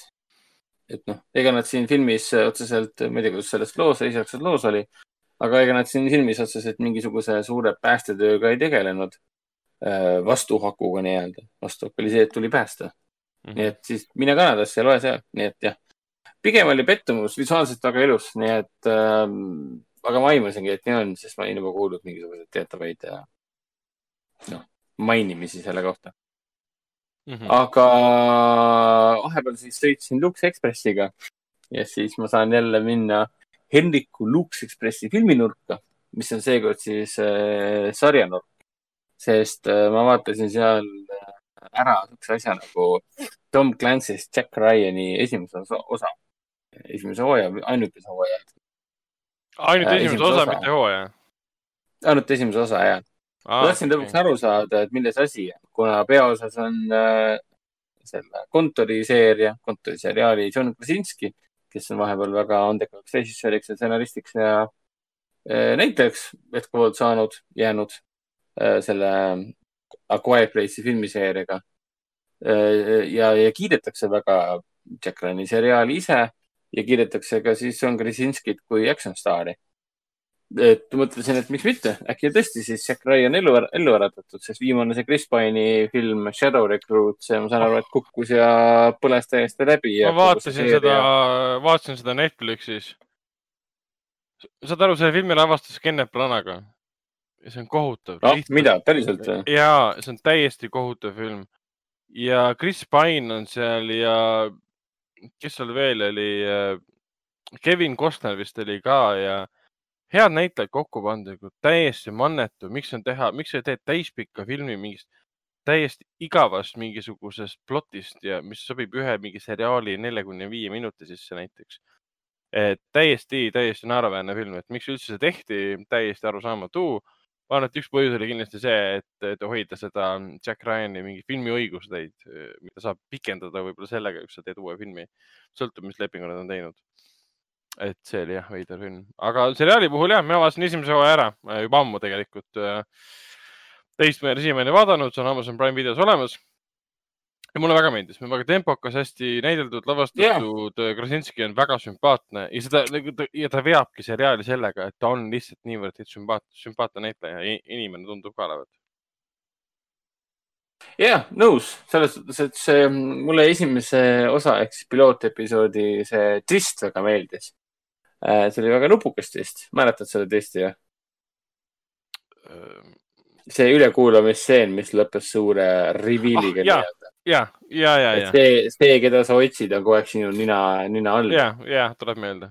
et iseenesest äh, väga kõva action äh,, väga tempokas äh,, väga hea sihuke dialoog ja Jack Ryan ise, John Krasinski on väga usutav, sest noh, ta on analüütik, aga samas on ta ka niisugune äh, karastunud sõdur ja, ja mulle omal ajal ju need Harrison Fordi äh, need äh, äh, Jack Ryan'i filmid ju tegelikult väga meeldisid. see Patrioodi mängud, Patriot Games oli üks vist, kus ta mängis, jah, oli küll. Jah, see oli siis minu absoluutne lemmik, mida ma kogu aeg vaatasin ju, sinuga koos vaatasime telekas uuesti, katkematult sest see oli nii põnevalt jutustatud, nii põnevad tegelased ja see, kuidas äh, Harrison Ford seal ringi jooksis pommide eest ja kuradi kõigega rünnati neid ja see kõik oli nii põnev ja minu meelest see Amazoni sari nagu väga meenutab seda Harrison Fordi stiili, Harrison Fordi äh, Jack Ryan'i filmide stiili. pluss ta meenutab mulle väga ka seda Kiefer Sutherlandi kahtekümne nelja, äh, just selle tehnilise lähenemise poolega. kõik on sihuke täpne ja kõik on hästi ametlik ja kohati veidi, veidi niisugune Zero Dark Thirty teema tuleb justkui sisse, et noh, niisugune pigem väga niisugune maapealne, niisugune grounded lähenemine, mis on väga okei okay ja võis, võiski noh, sellise tegelase puhul pigem to toimida väga hästi. piloot mulle meeldis äh,. midagi väga erutavat ta minu jaoks ei olnud muidugi, aga kuna mulle see lähenemine pigem meeldis ja John Krasinski on nagu mad respect talle äh, Quiet Place'i eest, mis oli nagu suurepärane film. ma kindlasti vaatan edasi ja mul on hea meel, et ma lõpuks saan oma Amazon Prime videot kasutama hakata korralikult. jah, rohkem äh, muidu oled maksnud kõik need kuud, aga vaadanud ei ole. no täpselt, lihtsalt raha läheb maha. aga rohkem äh, ma ei olegi midagi vaadanud. kahjuks või õnneks. vot, aga räägi Aga- meile Greyhoundist. ma võin, võin siis mainida, mainida näiteks seda, et äh, ma nüüd vaatasin pühade ajal, pühade ajal ära siis äh, lõpuks äh, Greyhoundi, mis, mus, mis on tegelikult üllatusfilm äh, sellest eelmisest aastast, millest me oleme siin saates küll maininud küll ja soovitanud, aga keegi meist pole vaadanud. Apple TV plussis on ta olemas eestikeelsete äh, äh, subtiitritega täiesti fantastiline film. poolteist tundi kestab ja Päriselt ta on, ja ta on ülimalt lühike, ma olin nii üllatunud, et üks sõjafilm kestab poolteist tundi. ja samas ta, ta mõjub palju pikema filmina, sest see sõjafilm kui selline, et ta on, see on lihtsalt sellest, kuidas äh, Ameerika siis äh, varustuse laevad lähevad Ameerika äh, äh, laevastikku nagu siis sõjalaevadega sõidavad siis äh, äh, konvoi saatel, viivad brittidele varustust. Lähevad läbi teatud punkti, kus on hästi palju äh, siis äh, natside allulaevade tegevust. Ja alati lähevad Mhm. põhja. Ja kogu lugu, kogu film ongi sellest hetkest, kui, kui kapten, keda mängib Tom Hanks, väga hästi mängib, on kon, selle konvoi juht, mis äh, äh, turbab siis seda, seda mm, varustuste laevu äh,, satuvad sinna keskele, kus neid tulevadki ründama nii-öelda Wolfpack äh,, kuus-seitse erinevat allveelaeva ja, ja kuidas nad jäävad sellest ellu. et äh, kuidas, kuidas nad selle üle elavad, tähendab. ja see on nii, see on nii võimas, see on nii pingeline ja see on nii äh, metoodiline kohati, sest ta on nii konstrueeritud film, et ta on täpselt neid detaile täis, mida selline lugu vajaks, sest ta on ainult sellest, et meid ründavad need ähm, allveelaevad ja me võitleme vastu. mis see tähendab? sa saad filmida ainult laevas ja laeva ümber. okei okay,, nad näitavad meile allveelaevu ka, natsid omasid siis, aga me oleme muidu ainult Tom Hanksiga koos, ehk siis Tom Hanks jookseb konstantselt laeva ühelt poolt laeva teisele poole kapteni sillal. kogu aeg hüüab see film piirabki ennast väga nagu massiliselt piirab ennast eh, just nimelt laeva, ja laeva ongi piir, piir, piir, piiridesse nii-öelda ja. seal on mõnikord on üldplaanid, ütleme konvoist endast, aga enamalt sa oled lihtsalt koos Tom Hanksi, kes liigub äh, äh, selle kapteni silla ühest kohast teise, jagab käsklusi, annab käsklusi, mis pinged seal tekivad inimestega, kes võib-olla käsklusi ei mõista või kohe neid edasi ei anna. ja mi- mis puudutab nagu kapteni usaldust sel hetkel oma meeskonna suhtes ja meeskonna usaldust tema suhtes ja ta on, ta on täpselt nii mehaaniline film, et ta on piinlikult täpne kujutus sellest, milline võis olla äh, laevastiku kapteni argipäev teise maailmasõja ajal, ületades ookeani, kui, kui natsid tulevad ja tahavad peatada, kuna nemad blokeerivad põhimõtteliselt Briti saartele ligipääsu varustusele, tahavad teid põhja lasta. Ja ma olin nii üllatunud, et ta on niimoodi lavastatud, sest ainuke dramaatiline eh, kude, mis on nagu dramaat-, tava, tavapärane dramaatiline narratiiv, ongi filmis alguses ja keskel paar korda. kõik muu lihtsalt on väga piinliku täpsusega Tom Hanks käsklusi jagamas. Nemad on pihta saamas, nende, nende laevastik on pihta saamas, nende, nende olukord on halb, nende olukord on hea. nemad lasevad mõne halva laeva põhja, nemad tulistavad mõnda halva laeva. Kõik erinevad protseduurid, mis käivad selle ümber, kuidas sa suhtled oma laevastikuga, kuidas sa tuvastad, kus asuvad allalaevad, kui kaugel nad asuvad ja see pinge ka, et kuidas nad loetlevad, et kakskümmend jalga, kolmkümmend jalga, aidad hoopis viisteist jalga, kümme jalga. et, et, et, see on lihtsalt väga-väga võimas, et kui keegi, kui sa tahad näha või kuulajad tahavad näha midagi väga efektiivset sõjafilmi, kus puudub üleliigne draama. et näiteks, kui sulle meeldis võib-olla Lemon päästmine, aga see draama oli sinu jaoks eh,, siis see film lihtsalt, draama on kõik ära võetud, halb näide võib-olla. draama on lihtsalt kõik ära võetud ja see on nii efektiivne ja nii raske kinni panna äh, film, et mul on väga kahju, et ma suutsin selle alles aasta lõpus ära vaadata. vot, seda ma soovitan. kusjuures äh, mulle iseenesest väga meeldivad sellised väga tehnilised, väga täpsed äh, sellised, kuidas nüüd öelda, action filmid, mis tegelevad väga spetsiifilise action'iga, antud juhul siis äh, sõjalaev versus äh, need äh, allveelaevad. ja, et noh, sellel äh, Tom Hanks ise kirjutas stsenaariumi, ta ise produtseeris seda ka. stsenaarium põhineb äh, ühel raamatul, kui ma ei eksi, et ta adapteeris Aa. selle raamatu siis. ja, ja äh, noh, ma ei tea, kuidas ta stsenaariumi kirjutas või, või, sest mulle tundus, et ta võttis lihtsalt ette nagu teise maailmasõja aegsete öö, öö, laevastike kaptenike, kaptenite siis öö, logid ja selle põhjal kirjutas öö, stsenaariumi ja võib-olla see raamat omakorda nende logide põhjal kirjutatud, seetõttu see mõjuski kõik nii teravalt ja nii intensiivselt ja nii pingeliselt ja niivõrd huvitavalt, et sa hakkasid ise ka aru saama kaudselt, kuidas laeva juhtimine tegelikult käib, mitte juhtimine on-, kuhu sa, kuhu sa teda suunad, vaid kuidas sa suunad oma ründalaevastikku enda ümber. mida tähendavad need laused ja kõik siuksed asjad, et see süsteemne süsteem, süsteemsus, kuidas laevastiku juhtimine versus äh, siis äh, Wolfpack äh, natside allveelaevad, kuidas see lahing nagu käis, see oli nii süsteemne, et teda oli põnev jälgida tänu sellele, et meile jagati infot, kuidas see maailm töötab. et sa ei pea olema nagu, nagu, nagu merendusega või, või laeva juhtimisega mitte kuidagi seotudki, aga film annab sulle selle info, info tegelikult kätte.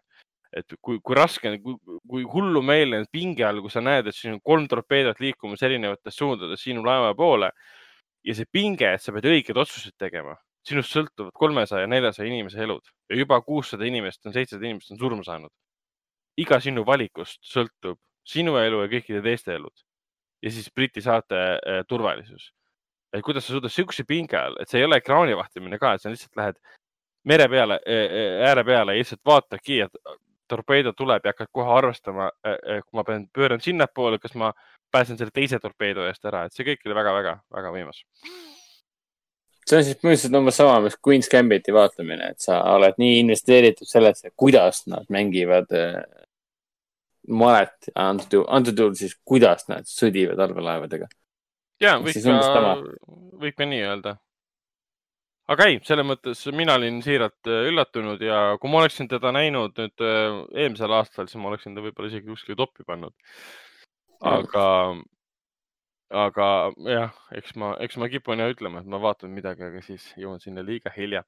ja viimase asjana vaatasin siis äh, kõik Die Hardid siin äh, jõulude äh, ajal, pärast jõule tähendab, vaatasin ära siin esimese vaatasime sinuga koos jõuludel äh, Jaa., Hendrikuga koos siis ja teise, kolmanda, neljanda ja siis viienda vaatasin ka pärast jõule äh,. Die Hard üks, kaks ja kolm on fantastilised filmid äh,.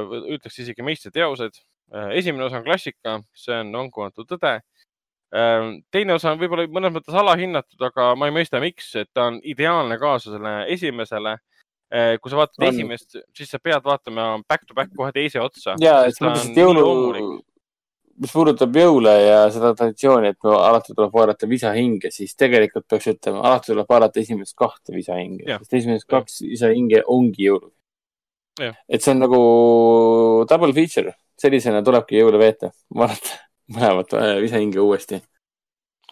Äh, jah, tõesti, et noh, teises on nagu rohkem äh, lund selles mõttes võrreldes esimese osaga, kus ei saagi lund olla ja kolmandas ei olegi lund ja neljandas ka mitte. Aga esimesed kaks on nagu, kuna need on nii äh, lähestikku tehtud filmid ju, mis on kaks aastat on vahet ainult vist ju, kaheksakümmend kaheksa üheksakümmend, kohe tehtud filmid nagu järjest, siis äh, kolmas osa vist tuli ju ähm, neli aastat hiljem, kui ma ei eksi. üheksakümmend, üheksakümmend, viis aastat isegi hiljem, üheksakümmend viis.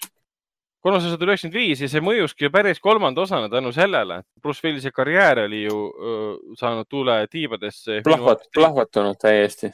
No täpselt ja kolmanda osa puhul tuli tagasi John McTiernan.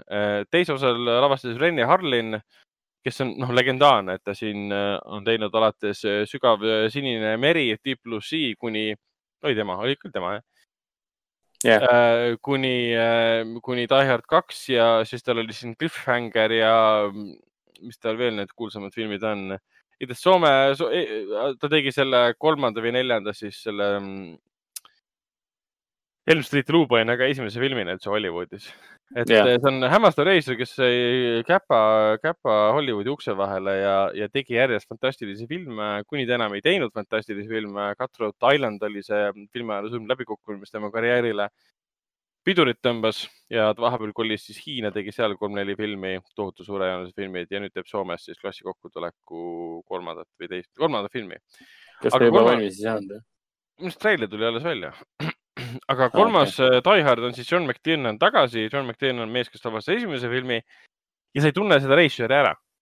ta on hoopis teine režissöör kui esimese filmiga. ja ta vibe on võib-olla sama või see stiil, aga action, see, kuidas kaamera liigub, kaamera liigub niivõrd palju ja niivõrd kiiresti kohati, et see ei ole enam sama stiiliga režissöör, sa näed, et muutunud aja jooksul. et sa näed, No et see, see selles mõttes see McTiernan on ju üldse põneval, põneval ajal nii-öelda tegutsema hakanud. alustas ta siin kaheksakümnendatel ja lasi kuni üheksakümnenda või noh, kahe tuhandete alguseni välja. et see näitab tegelikult tema seda, ma ei tea, kohanemisvõimet ka mingis mõttes. nojah, ta on ju on Die Hard ja, ja meil on see Predator ja, ja. Hunt for Red October ja ja legendaarsed action filmid, täiesti noh, õpiku näide põhimõtteliselt, kuidas, 13. missugune peab olema.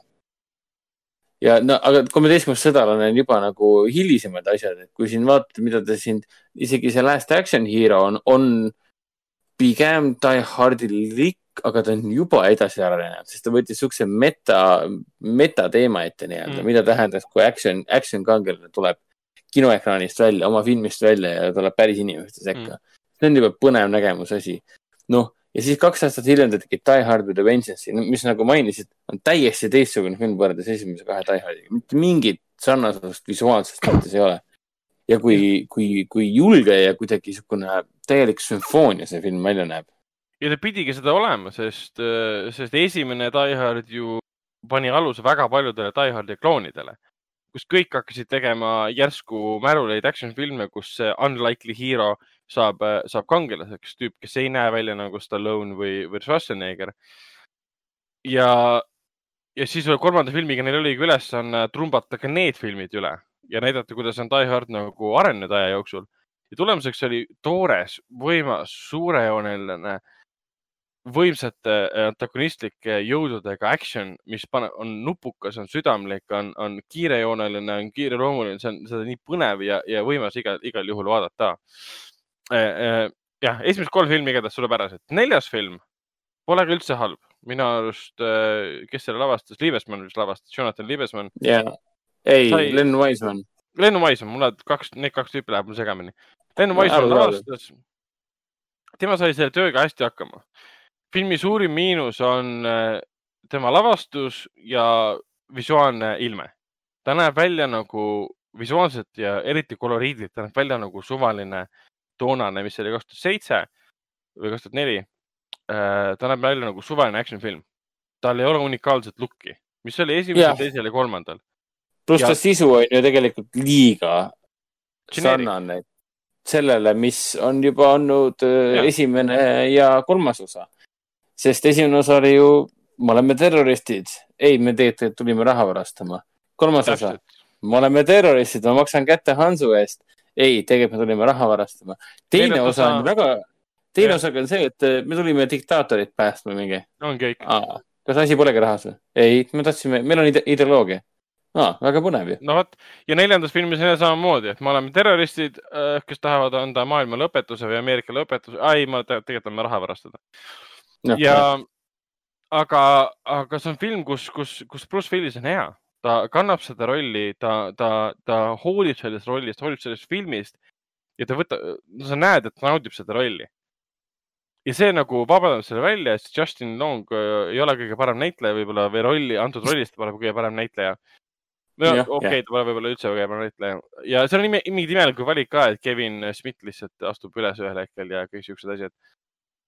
aga ta on, ta on tore film ikkagi, sest sa näed, et see, et, et, et, Bruce Willis või John McClane on nüüd vana, ta, ta ei käi maailmaga kaasas. Jaa, siin selles- selles, selles filmis ta tõesti paistis välja sellise vana mees McLeanina nii-öelda Jah, vananev mees äh, McLean, umbes nagu oleks neljas, Logan. neljas osa oleks olnud nagu ideaalne lõpp, mõnes mõttes ideaalne lõpp sellele kogu seeriale. Aga siis tehti viies osa, mis on Okse, see on üks kohutavamaid filme, mis ma kunagi elus näinud olen. viiendat filmi ma ei käinud kinos vaatamas, ma vaatasin seda kodus äh, plaadilt, see jäi mul omal ajal pooleli. pärast esimest Jah, äh, sama, ma 20 pole siiamaani minutit. lõpuni vaadanud. ja nüüd ma vaatasin esimest korda lõpuni. oi, seda oli raske aga-. ma mäletan, et ma ise jõudsin sinuga, sinuga koos vaatasime vist ja me vist lõpetasime kuskil seal ära, kui ta jõudis lampi, ma ei tea, Moskvast mingi, Moskvast tõmbas järsku sinna Tšernobõlisse, siis me panime vist kinni, rohkem edasi ei viitsinud vaadata. ja sinna, seal on viimased mingi kakskümmend minutit on seal või midagi. ja, ja Die Hard viis, jah, see on tõesti hämmastav. see film on, on lavastatud John Moore'i poolt, kes siin tegi kohutava videomängu ekraniseeringu, milleks oli äh, Max Payne. Ta tegi äh, väga hea debüütfilmi, milleks oli Behind Enemy Lines Owen Wilsoniga ja, ja siis ta võttis ette, rikkus ära, see pole muidugi ainult tema süü, see on kogu stuudio süü, Die Hardi. ja ilmselt asi oli ka äh, Bruce Willises, sest see on film, kus sa näed, et Bruce Willist ei huvita. teda ei huvita ükski yeah. lause, ükski olukord, ükski, ükski hetk selles filmis ei jäta muljet, et teda huvitab see, mida ta teeb. Ja lavastuse koha pealt samamoodi, ma ei, ma ei, saa aru, mis film see on esimesed kolmkümmend minutit on lihtsalt äh, kokku lõigatud arusaamatult. geograafiast ei tunta üldse huvi äh,, kohast ja kohatundes, ajatundes ei tunta ka mingit huvi montaaži mõttes. et kohati on täiesti aru, arusaamatu, võimatu on aru saada, kus mingid autod üksteist taga ajavad, mida nad taga ajavad ja kus nad asuvad, asetsevad või, või millal nad sinna jõudsid. Täiesti kohutav montaaž, see montaaž kohati meenutab Quantum of Solace'i algust mis on ka monteeritud umbes niimoodi, et äh, lihtsalt nonsense äh,. Äh, aja ja koha suhe ei eksisteeri, et kes kelle, keda tulistab, kes keda rammib, null. ja see on nii väsitav, see on nii, kuna see on moti-, motiveeri-, seda ei ole motiveeritud, seda, seda kogu seda möllu, mis seal toimub. me näeme lihtsalt mingeid hullumeelseid venelasi, kes naeravad ja pommitavad ja tapavad. siis me näeme ta, Bruce, John McClane'i, kes lihtsalt sõidab autoga ringi, ajab poega taga ja enda ette karjub oma poja nime. siis ta crash ib oma auto läheb, tuleb autost välja, võtab uue auto ja karjub kellelegi, et tulge eest ära. tema ümber pole mitte kedagi. ja siis ta karjub äh, tänaval mingi inimese peale, lööb teda, istub autosse, tüüp on ammu knock-out'i löödud ja siis ta mingi ütleb oma enda ette, et, et helista politseisse. jätab, jätab mulje, et John McClane on äh, seniilne vanamees, kes oma heyday aegu nagu mälestades jookseb mööda tänavat ringi ja on oma ravimid unu- unustanud võtta. et ta on lihtsalt nagu hull inimene, sest teda on lavastatud niimoodi, et sa ei saa aru, kellega ta räägib, sest neid inimesi pole. ja, ja see on nagu noh, üks viis, kuidas tappa, tappa tuntud seeria ongi, et sa muudad oma tegelase hulluks.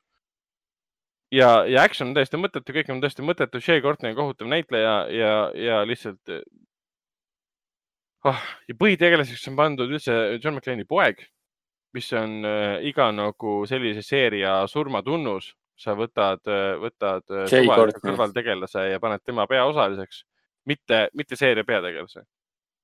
täiesti, täiesti uskumatu. see on see fran-, fran-, franchise killer või?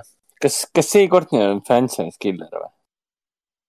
Äh, jah, noh, sama ju juhtus selle, mis see nüüd oli, suitsiidisalgaga.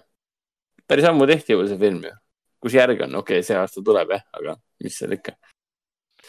aga jah, nõus. jah, James Gunni poolt ja peaks, peaks isegi hea, hea film olema jah, James Gunni võib isegi usaldada. vot, kuule, aga liigume, liigume edasi ja räägime, räägime kähku sellest, räägime ühest kinofilmist nimega Hing ehk siis Soul. mainime ära, et siin äh, Tallinna kinod muidugi on kinni, Harjumaa kinod on kinni, Ida-Virumaa kinod on kinni, aga siin kinodes, mis on siis väljaspool Harjumaad ja Ida-Virumaad, saate näha uusi filme äh, nagu näiteks Rootsi draama Charter ja animatsioon Sabata kass.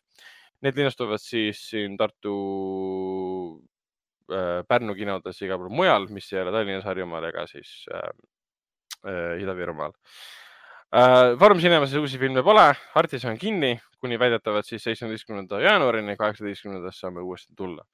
aga enne koroonat saime Souli ära näha äh,. Raiko on ka Souli näinud, aga tema on sellest natukene pikemalt, saab hiljem meile rääkida.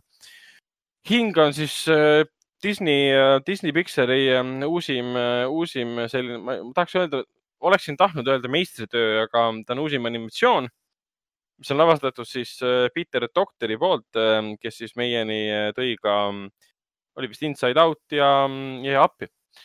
ehk siis ühed kõige, ühed kõige emotsionaalsemad ja isegi võib-olla huvitavamad äh, lood, mis Pixarit on sündinud siin Toy Story filmide kõrval ja Soul ise, eks ta on sada korda siin edasi lükatud, küll pidi ta kinno tulema. ja siis ta pandi kinni ja, ja koroona tõttu lükati siis Disney plussi, kus ta nautis suurt edu. film ise on päris huvitav, et sul on keskealine džässiõpetaja või noh, pigem orkestriõpetaja, aga suur džässiarmastaja, kes saab elus suure võimaluse, suure uue ja võimsa võimaluse mängida siis kuulsa džässi mängijaga samas bändis. kohe, kui ta selle võimaluse saab, ta sureb ja satub siis teispoolsusesse, kus tal on aeg nii-öelda suures tühjuses, justkui tähekumas on siis selline helendav trepp, mis viib ta koos kõikide teistega teispoolsusesse. tema sellest muidugi keeldub, sest tal on elus nii palju asju pooleli ja satub siis nii-öelda sinna sorteerimiskeskusesse, mis pole nii kindlasti mitte nii kõle kui mingi Omniva sorteerimiskeskus aga ta on väga, see, see sorteerimiskeskuse mõte on see, et seal, sealt saadakse kuskilt nagu tühjad hinged, kes otsivad endale siis äh, mõtet. ja kui nad mõtte kätte saavad, saavad endale selle spark'i või selle spirit'i nii-öelda sisse, selle elujanu millegi või kellegi järgi, järele saavad sisse, siis nad äh, hüppavad sõna otseses mõttes maale ja me näeme seda planeet Maad ja hüppavad sinna ja nad sünnivad uutes kehades. See on kogu selle sorteerimiskeskuse mõte sorteerimiskeskuse võib-olla suurim üllatus oli see, et seal on, seal on vardjad või sellised haldajad, kes on joonistusstiili poolest meenutanud mulle räigelt äh, World of Tomorrow nimelisi animatsioone, lühianimatsioone ja see on see Don Herd-, Herd-, Herzlide, kes on neid tootnud juba mitu aastat tagasi hakkas neid tootma ma juba. olen neid minu äh, ise tegema. ühte ainult näinud, kokku on neid äh, vist kolm juba. Tema stiil oli väga unikaalne ja kohe, kui ma nägin seda äh, Souli või siis hinge seda sorteerimiskeskust äh, ja neid, eriti neid just nimelt neid tegelasi, kuidas nad on animeeritud, siis mul tuli see silme ette, et ju siis keegi sealt kuskilt äh, osakondadest sai inspiratsiooni. aga selles sorteerimiskeskuses siis, siis meie peategelane, džässimuusik äh, satub siis kokku ühe hingega, kes pole oma mõtet, oma eesmärki leidnud ja koos nad lähevad see planeet Maale.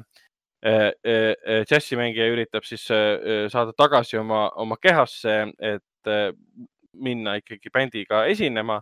samal ajal, samal ajal see, see hinget, justkui selle sparkita hing üritab siis leida endal seda, et mis, mis annaks talle põhjuse jääda maale või mis, mis oleks tema see mõte eksisteerimiseks ja lõpuks, kui ta selle leiab, siis see pole kindlasti see, mis ta arvas, et see on.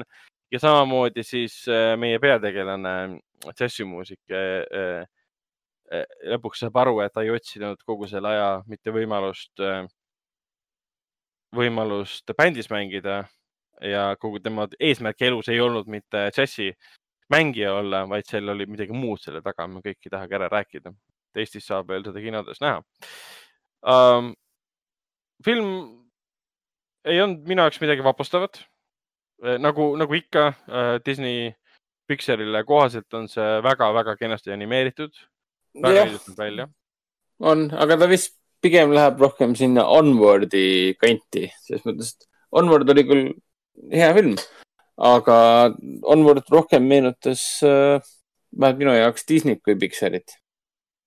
ehk siis kuidagi liiga tuttavlik ja, ja ei midagi nii erilist, kui me oleme harjunud Pixarit saama. samas, kas kõik, kõik peab olema kuld, mida kõik Pixar teeb? Nagu võiks samas, sest nad on Pixar ja me oleme sellega, sellega harjunud. ja no Soulil polnud häda midagi, see on väga ilus film.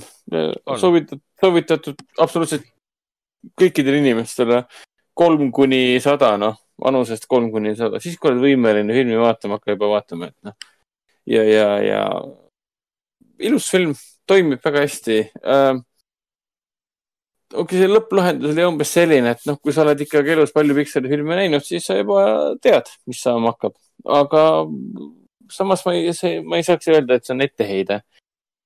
peab ütlema, pigem saab öelda vist seda, et sa oled, et me oleme ise nagu üles kasvanud rohkem äh, pik-, Pixarist võib-olla ja ootame, et siis Pixar meile järgi jõuaks, äkki niipidi.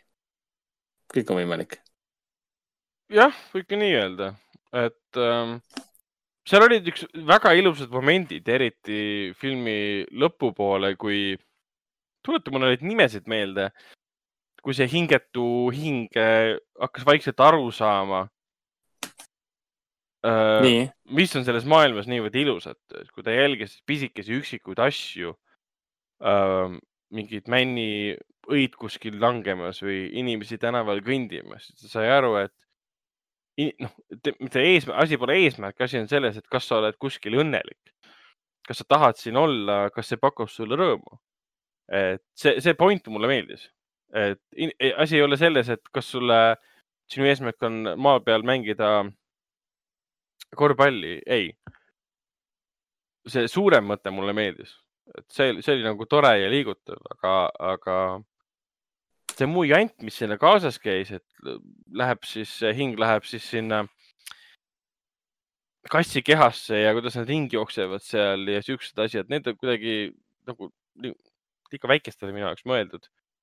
no siin samas- jah, tunduski, et nad, nad olid nagu kaks filmi kokku pannud, ehk siis üks täiskasvanute versioon ja üks siis äh, laste versioon ja, ja see oli, üldiselt sõnas mõttes film oli ära jaotatud vastavalt sellele. Et varasemalt on Pixaris ikkagi õnnestunud rohkem ära jaotada.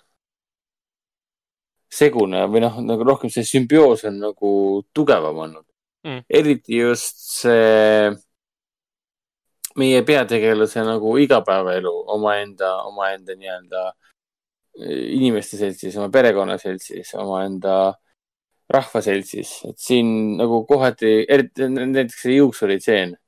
noh, see juuksuritseen oli kuidagi liiga realistlik, mis enam ei sobinud selle kassi veiderdamisega, et see kass muutus la liiga lapsikuks võrreldes sellega äh,, missugune see juuksuritseen ise välja näeb ja kuidas inimesed omavahel räägivad, kui sa saad aru, mis ma mõtlen? Ja ei, ma saan sa- aru ja, ja. et noh, tal, tal, ta ongi nagu kahe maailma vahel justkui lõksus olev film, et ta üritaks nagu. selles mõttes, et appi ja siis äh, inside outside selle, selle fantaasiamaailma ja see reaalse maailma probleemide ühendamisega minu arvates palju paremini ja lõbu, kuidagi hõlpsamini hakkama kui siis äh, hing. kui hinges on väga palju sellist mulle tundub, et hing on rohkem mõeldud keskealisele mehele, keskealisele, mitte mehele, vaid inimesele. ta on rohkem mõeldud keskealisele inimesele kui lapsele, sest keskealine inimene, nagu meie oleme varsti ka keskealised põhimõtteliselt. no Vaat,. vaatame seda ja me vaatame, me, me samastume temaga, et aa, ma olen juba kolmkümmend. ja kas see on see elus, mis ma praegu teen, on see, mis ma olen kogu aeg tahtnud teha? kas ma olen ikka, ikkagi, ikkagi teinud kõik selle nimel ja siis, kui sa võtad kõik oma elu nagu tükkidena lahti, nagu siin meie peategelasel tehakse, siis ta hakkab vaatama, issand, mu elu on tegelikult üsna kurb ja mõttetu olnud, ma ei olegi oma eluga midagi peale hakanud. ja, ja see nagu on selline samastumishetk, mis väik- väikestele lastele ei lähe korda, nad ei oska sellega samastuda, sest neil puudub see kogemus. et äh, see film oleks võinud isegi rohkem sellele keskenduda, et vähem lastefilm olla, aga noh, Pixar ei ole veel nii kaugele jõudnud, et nad teeksid animatsiooni, mis ei ole lastele, mis on ka arusaadav, sest nad on äh, Disney, Disney all. jah, aga noh, igal juhul parem kui, ma ei tea, kaheksakümmend, kaheksakümmend protsenti muud taolised animatsioonid, mis peavad, mitte taolised, vaid üldse animatsioonid. enamik animatsioonid arvavad, et lapsed on idioodid. Pixar pole seda kunagi arvanud. ja Jah, sellel tasandil on see film väga väärtuslik vaatamine. ei seda kindlasti, seda kindlasti.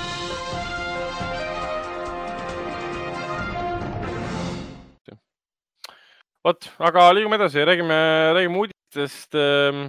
Paar uudist on, alustame võib-olla siis sellest, et äh, siin saate, saate ajal äh, tuli teade, et meie hulgast lahkus reisijal äh, Michael, Michael Apted, keda enamus teavad tegelikult siis Coal Miners Daughteri äh, režissöörina. film, see on äh, biograafiline muusikal, kus siis äh, peaosas äh, Sissy Spacek, või Spacek, Spacek, mis äh, omal ajal siin äh, tõigi Sissy Spacekile Oscari ja kandideeris kokku siin, on üks, kaks, kolm, neli, viis, kuus, seitse, seitsmele Oscarile. ja Apted võib-olla muu maailmale on, on tuntum võib-olla sellepärast, et tema tegi äh, Bondi filmi James, James, Pierce äh, Brosnaniga The World is äh, not enough. Mida ma pole üldse kindel, kas ma olen elu jooksul näinud, sest ma olen rohkem sellest äh, samanimelise filmi tehtud samanimelist videomängu mänginud, mis oli first person'is Playstation ühe peal. kui seda filmi näinud, mul on tunne. kas seal mängis Robert äh, Carlyle seda... ja, ai, Denise Richards muidugi olen näinud ja, ja, ja. ja, no siis olen ikka näinud. seal oli ju see, üks põhipahedest oli ju ka Jonathan Price või? Uh, ei, tundub, et. ei, Jonathan. Price oli kuskil mujal. Tomorrow Never Dies või?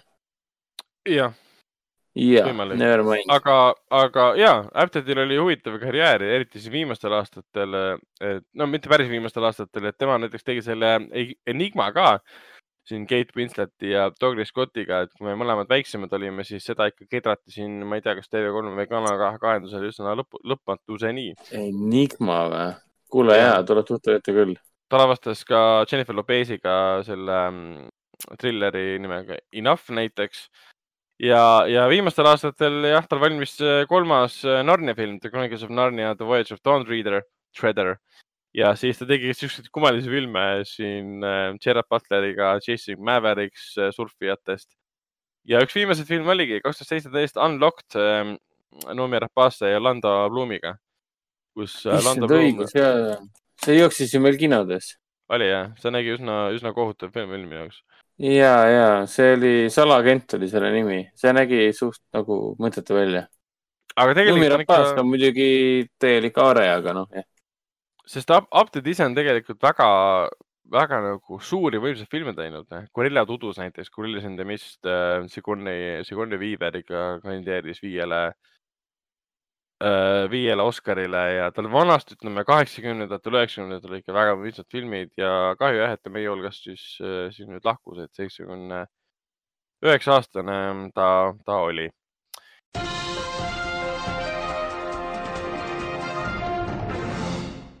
Äh, järgmise uudisena mainiks ära siis, et äh, Uncharted'i film äh, on aina rohkem äh, siis reaalsus, reaalsuseks kujunemas mm. -hmm. siin Uncharted'i Twitteri konto jagas ka pilte, mis äh, siin äh, kullisilmalistele fännidele kindlasti annavad siis äh, vihjed, et kus see lugu aset leiab. me teame, millal ta aset leiab, see on eellugu Uncharted'i seeriale, Nathan Drake'ile.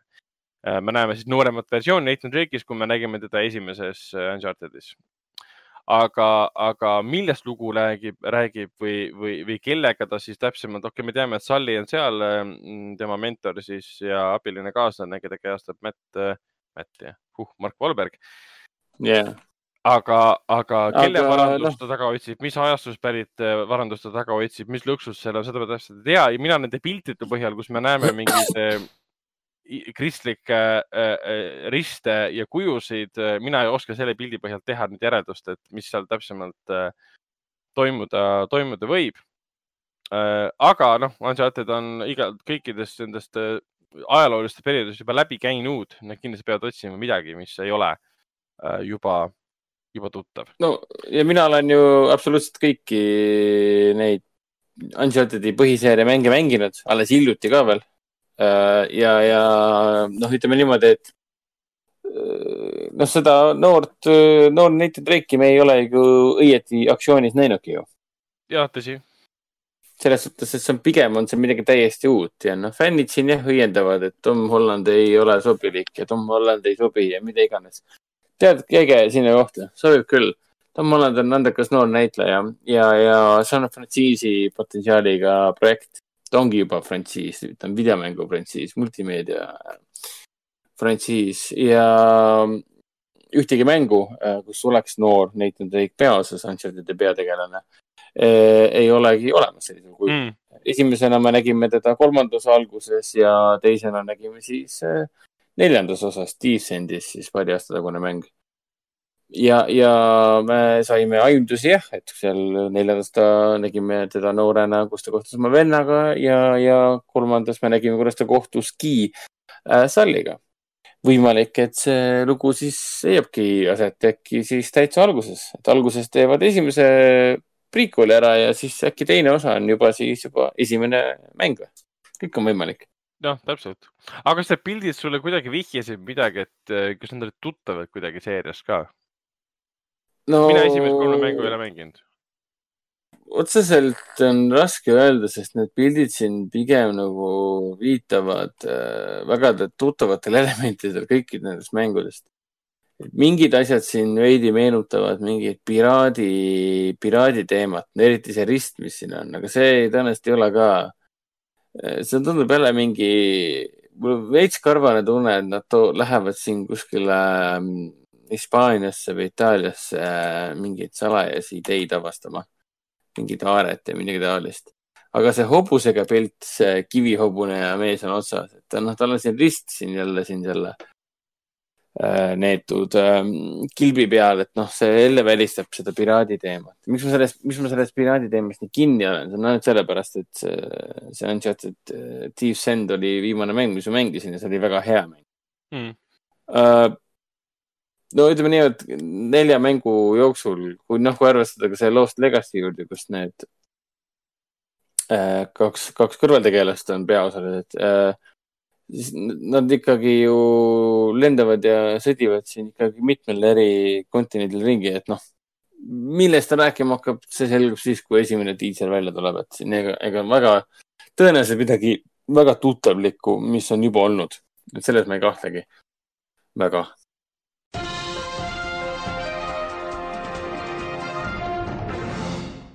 um,. viimase uudisena mainime siis ära, mida ma olen võib-olla saates ka varem korra maininud, on film nimega Malcolm and Marie, mis on tulemas viiendal veebruaril Netflixi. mis Oo, on selles filmis erilist, eks siin on kolm põhjust. üks põhjus on muidugi see, et ta võeti üles äh, siin Covidi pandeemia ajal USA-s. Hollywoodis äh, samal ajal, kui kõik Hollywoodi produktsioonid pandi kinni, aga kuna see on, see on minimalistlik lugu, minimalistlik film kahest inimesest ühes korteris, siis ne neil oli võimalus äh, seda pandeemia ajal teha, ilma et nad oleksid ühtegi reeglit äh, rikkunud. kui ma ei eksi, siis need võtted toimusid isegi enne, kui üldse tuligi luba. et reegleid järgida ees võib võtted, võtted, võtetega nagu naasta võtteplatsile. film ise on ja teine põhjus, miks see on eriline, on sellepärast, et siin on äh, peaosas on siis Zendaya, keda me siin teame, keda Hendrik austab eriti, siis äh, mitte Spider-man'i filmidest, vaid HBO Euphoria seriaalist, kus ta Mhm. näitab ennast hoopis teisest küljest. ja muidugi teises peaosas on John David Washington, keda me teame siin Black Clansmanist ja, muidugi Tenetist. treiler tuli välja, väga kena film, mustvalge film, väga huvitav äh, lugu äh, selle koha pealt, et lihtsalt äh, ta räägibki kahe, kahe inimese vahelisest suhtest ja selle, selle arengust ja äh, selle probleemidest ähm, läbi, läbi äh, erinevate aegade, mis kõik no ja, ja neljas äh, põhjus, miks see on väga-väga oot-, väärt ootamist, on ju muidugi see, et see seriaali, selle filmi režissöör on ju Sam Levinson, see, kes ongi Euphoria sarja looja. noh, USA või Hollywoodi või no USA versiooni looja. Ehk siis äh, ja suurem osa, ma saan aru, et suurem osa isegi Euphoria äh, nii-öelda meeskonnast tuli reaalselt tagasi, mitte, mitte suurem osa, vaid mingi mm. -hmm. väiksem grupp tuli tagasi, et siis koos selle pandeemia tingimustes valmis teha. nii et äh, võib-olla need ei ole piisavad põhjendused, aga kui teil on kui sul, kallil kuulajal, on Euphoria nähtud, siis see Euphoria ise on juba sada protsenti piisav põhjendus, et seda filmi vaadata. ja juba veebruari alguses, mis polegi eriti kaugel. äkki selleks ajaks on kinod ka lahti. nii, kas siis vaatame, kas äh, see nädal tuleb midagi kinno ka või? Kusjuures üllataval, üllataval kombel isegi tuleb, et eh, nagu me oleme siin juba mitu korda maininud, siis eh, Eesti kinod ei ole kinni. Need on kinni lihtsalt ainult Harjumaal ja siis eh, Ida-Virumaal, mis tähendab seda, et siin väljaspool Harjumaad ja väljaspool Ida-Virumaad tuleb näiteks eh, kinodesse sellised filmid nagu, nagu Tunnel, mis on siis, kas ta oli Taani katastroofifilm mis sõna otseses mõttes äh, leiab, leiab aset äh, tunnelis. see on jällegi, see on maanteetunnel, tuntud, tuntud, ütleme sellised ähm, Taani ja Rootsi näitlejad, ma kohe kontrollin üle. Norra, vabandust, jah, Norra põnevik tunnel. ta on, kui sa vaatad filmi postrit, sa vaatad filmi treilerit, siis ta on täpselt see film, mis sa arvad, et olema peab. sul on mingi seltskond inimesi, kes jäävad tunnelisse lõksu seal on tulekahju, põlengud üritavad sealt välja pääseda. ja ta on väga aus selle koha, mis ta olla tahab. ja teine film on siis lastefilm äh, Emily ja, Emily ja kadunud äh, maagia äh, eestikeelse pealelugemisega Emilist, kes läheb siis faunide maale äh,. selle mõttes faunide maale, et algupärane pealkiri on filmil Faunut Land ja and the Lost Magic et tegelikult noh, ta, siin on see tõlkes kaduma läinud element sees. faunid ja paanid ja umbes nagu paanilabürint kunagi, et ta originaalfilm on tegelikult. Labyrinth del Fauno. siis faunid ja, ja siis äh, paan- paanid on ikka erinevad, erinevad asjad. aga Emily ja maagiline ma..., ta, Emily kadunud maagia on huvitav film ise, et ta on siin Rootsi, USA ja Suurbritannia koostööfilm äh, eestikeelse pealelugemisega, tundub väga tore. ja Tunnel ise äh,, ma olen seda filmi natuke juba näinud, tegelikult äh, äh, ta on väga-väga-väga äge, mida vaadata suurel, suurel ekraanil. vot ähm,, Foorumis inimesi uusi filme ei tule, sest äh, me räägime praegu uuest nädalast, mis algab viieteistkümnendast jaanuarist kinod avatakse kaheksateistkümnendal ähm, kinos Artis ma saan öelda nii palju, et äh, kaheksateistkümnendast jaanuarist on kindlasti kinodes needsamad neli filmi, mis nüüd viiendal ja, tähendab kaheksandal ja viieteistkümnendal kinodes alustasid. muudes kinodes siis ehk siis Charter, Sabata kass, Tunnel ja Emily ja kadunud maagia. ja kindlasti jätkame vanemate filmidega, mis nüüd kahekümne viiendal detsembril äh, pooleli jäid, nagu näiteks äh, Helista, Helista emale ja siis äh, Tule, Tulemeri. vot, aga siis äh, veel ei julge võib-olla väga mainida, aga mm, lähikuudel kindlasti äh, saab Artises näha ka siis äh, Federico, Federico, vabandust, Mika, Federico, Federico Fellini filme ühe kuu vältel äh,. praegu on natuke raske seda paika panna, sellepärast et äh, kui selgub, kas me avame kaheksateistkümnendal ka tegelikult, siis äh, saab selle kohta selgemalt öelda. aga Mhm. Netflixis äh, saab vaadata siis äh, juba taevani kiidetud äh, Pieces of a Woman, History of Swear Words. hiljuti tuli sinna ka mm, prantsuse seriaal, detektiiviseriaal äh, Lupin, mille peaosas on alati särav Omar Sy, keda enamus inimesed teavad muidugi siis äh, Untouchable, Intouchables'ist, mis eesti keeles oli siis üks pluss üks. Äh, siis tuli hiljuti ka siis äh, Fran Lebowitsist rääkiv äh, dokumentaalfilm, mis on siis äh, Ma- Martin Scorsese lavastatud äh, Pretend it's a city ja soovitus talle panin kirja ka tehtu kaks tuhat kakskümmend, aga no samas Raiko seda enam ei soovitanud väga. siis äh, Cobra Kai äh, kolmas hooaeg, Bridgerton, Sweet Home äh, Henrik soovitab miskipärast Chilling Adventures of Sabrina neljas hooaeg. no ma lihtsalt panin meeldetuletuseks, et see, seal tuli nüüd neljas hooaeg välja, et äh, tõenäoliselt on aeg see kunagi ära vaadata. ma ei tea, mul selle koos nagu huvi väga puudub. tundub päris põnev asi, et äh, jah, et ma, ma püüan endale meelde jätta kuidagi, et ikkagi vaataks selle ära. Mm -hmm.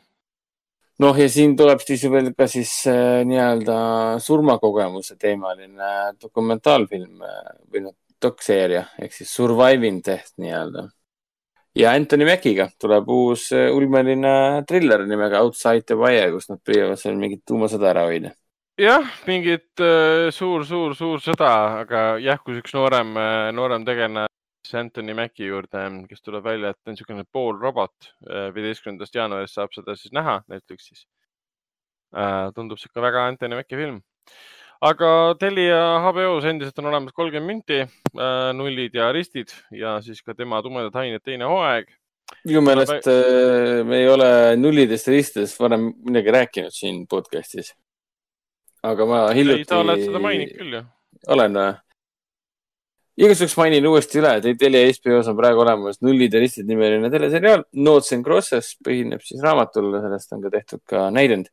ja see on siis väga lihtne lugu sellest, et mis siis oleks, kui äh, eurooplased ei on, poleks olnud need, kes siis koloniseerisid äh, ära Aafrika ja, ja selle mm, USA ehk siis äh, Ameerika mandri. mis siis oleks, kui aafriklased oleksid olnud need, kes koloniseerisid valgete asemel. ja nullid on siis valged ja ristid on siis äh, need mustanahalised. ehk siis, kuidas siis näeks maailm välja. ja loomulikult on selle keskmes siis Romeo ja Julia lugu, kus siis kõrgklassi mustanahaline tüdruk armub ära äh, nulli ehk siis valgesse poissi, kes samal ajal kuulub ka terroristlikku rühmitusse. et äh, ütleme niimoodi, et mul siin kõrval seda vaadati ja ma ise vaatasin ka poole silmaga ja väga äge nägi välja, väga põnev, Mhm. et äh, tõ- tõesti, tõesti soovitan ära ka vaadata. võtan aga- võtan, võtan kavasse. siis, ma avastasin, et Telia tv sisuleidjasse on jõudnud äh, paari aasta tagune seriaal nimega Snatch, mis põhineb siis muidugi Guy Ritchie samanimelisel filmil. see oli minu jaoks ka üllatus, et sellest üldse seriaal tehtud, aga kui juba Telia tv seda näitab, ma ei, ma ei tea, mis telekanali pealt seda kunagi näidati või on see ainult sisuleidja enda teema. igatahes veebis Telia tv sisuleidjas on see igatepidi vaadatav. ja Amazon Prime videos loomulikult, kui pole The Boys'i ikka veel vaadanud, siis äh, mis sul kurat viga on? ja ma endale panin nüüd meeldetuletuseks, et Nick Frosti ja Simon Peggi äh, koos näideldud ja koos loodud uus äh, niisugune mm, õudussugevõttega üleloomulik komöödiaseriaal või noh, põnevusseriaal. Truth Seekers on ka Amazon Prime videos olemas, selle tuleb ka kindlasti inimese võimalusel ära vaadata. no ja ma eeldan, et Ragnar soovitab ikkagi vaadata seda Greyhoundi kõigil, kes arvavad, et tegemist on mingisuguse igava dramaatilise juraga, nagu tavaliselt sellised, sellised fil- filmid kipuvad olema. ja, mina sügavalt kahetsesin, et ma sinna, sinna punkti alles nüüd oma elus jõudsin, et seda filmi vaadata um,. kui oled Tom Hanks'i fänn, oled Teise maailmasõja fänn um,, miks mitte, ma ei näe ühtegi põhjust ja ta ei ole tüüp, jällegi ta ei ole tüüpiline Teise maailmasõja sõjafilm, sest uh, vaevalt keegi on näinud nii metoodilist, protseduurilist um, ja piinliku täpsusega loodud lahingufilmi, kus keskendutakse lahingule äh,. mitte tulistamisele, vaid lahingule, kõik need äh, protseduurid, mis sinna juurde käivad. alguses võib isegi naljakas tunduda, aga pärast saad aru, miks need süsteemid niimoodi töötavad, sest äh, muidu võib keegi oma elu kaotada. vot, aga sellega saame oma väga pikaks kujunenud saate ähm, lõpetada ja, ja järgmises saates saame kõikidest asjadest juba lühemalt rääkida, sest sisu on meil oluliselt vähem. sest kinofilme on vähem ja nii suured vahed ei ole olnud mitmete saadete vahel, et me saaksime siin kolmkümmend viis tuhat erinevat äh, filmi seriaali Jah, vahepeal ära vaadata. aga samas on vist näha, et äh, Raikot ei takista mitte miski, et vaadata lugematul, lugematus koguses filme. ei, mis on, mis on väga hea, et äh, peamegi tegema erisaated.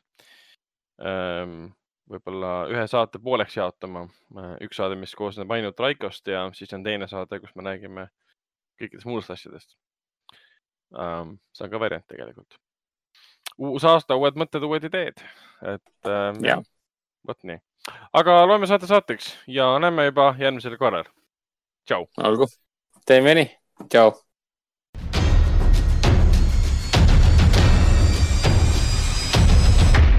Kinoveebi Jututuba podcasti toob teieni Foorum Cinemas.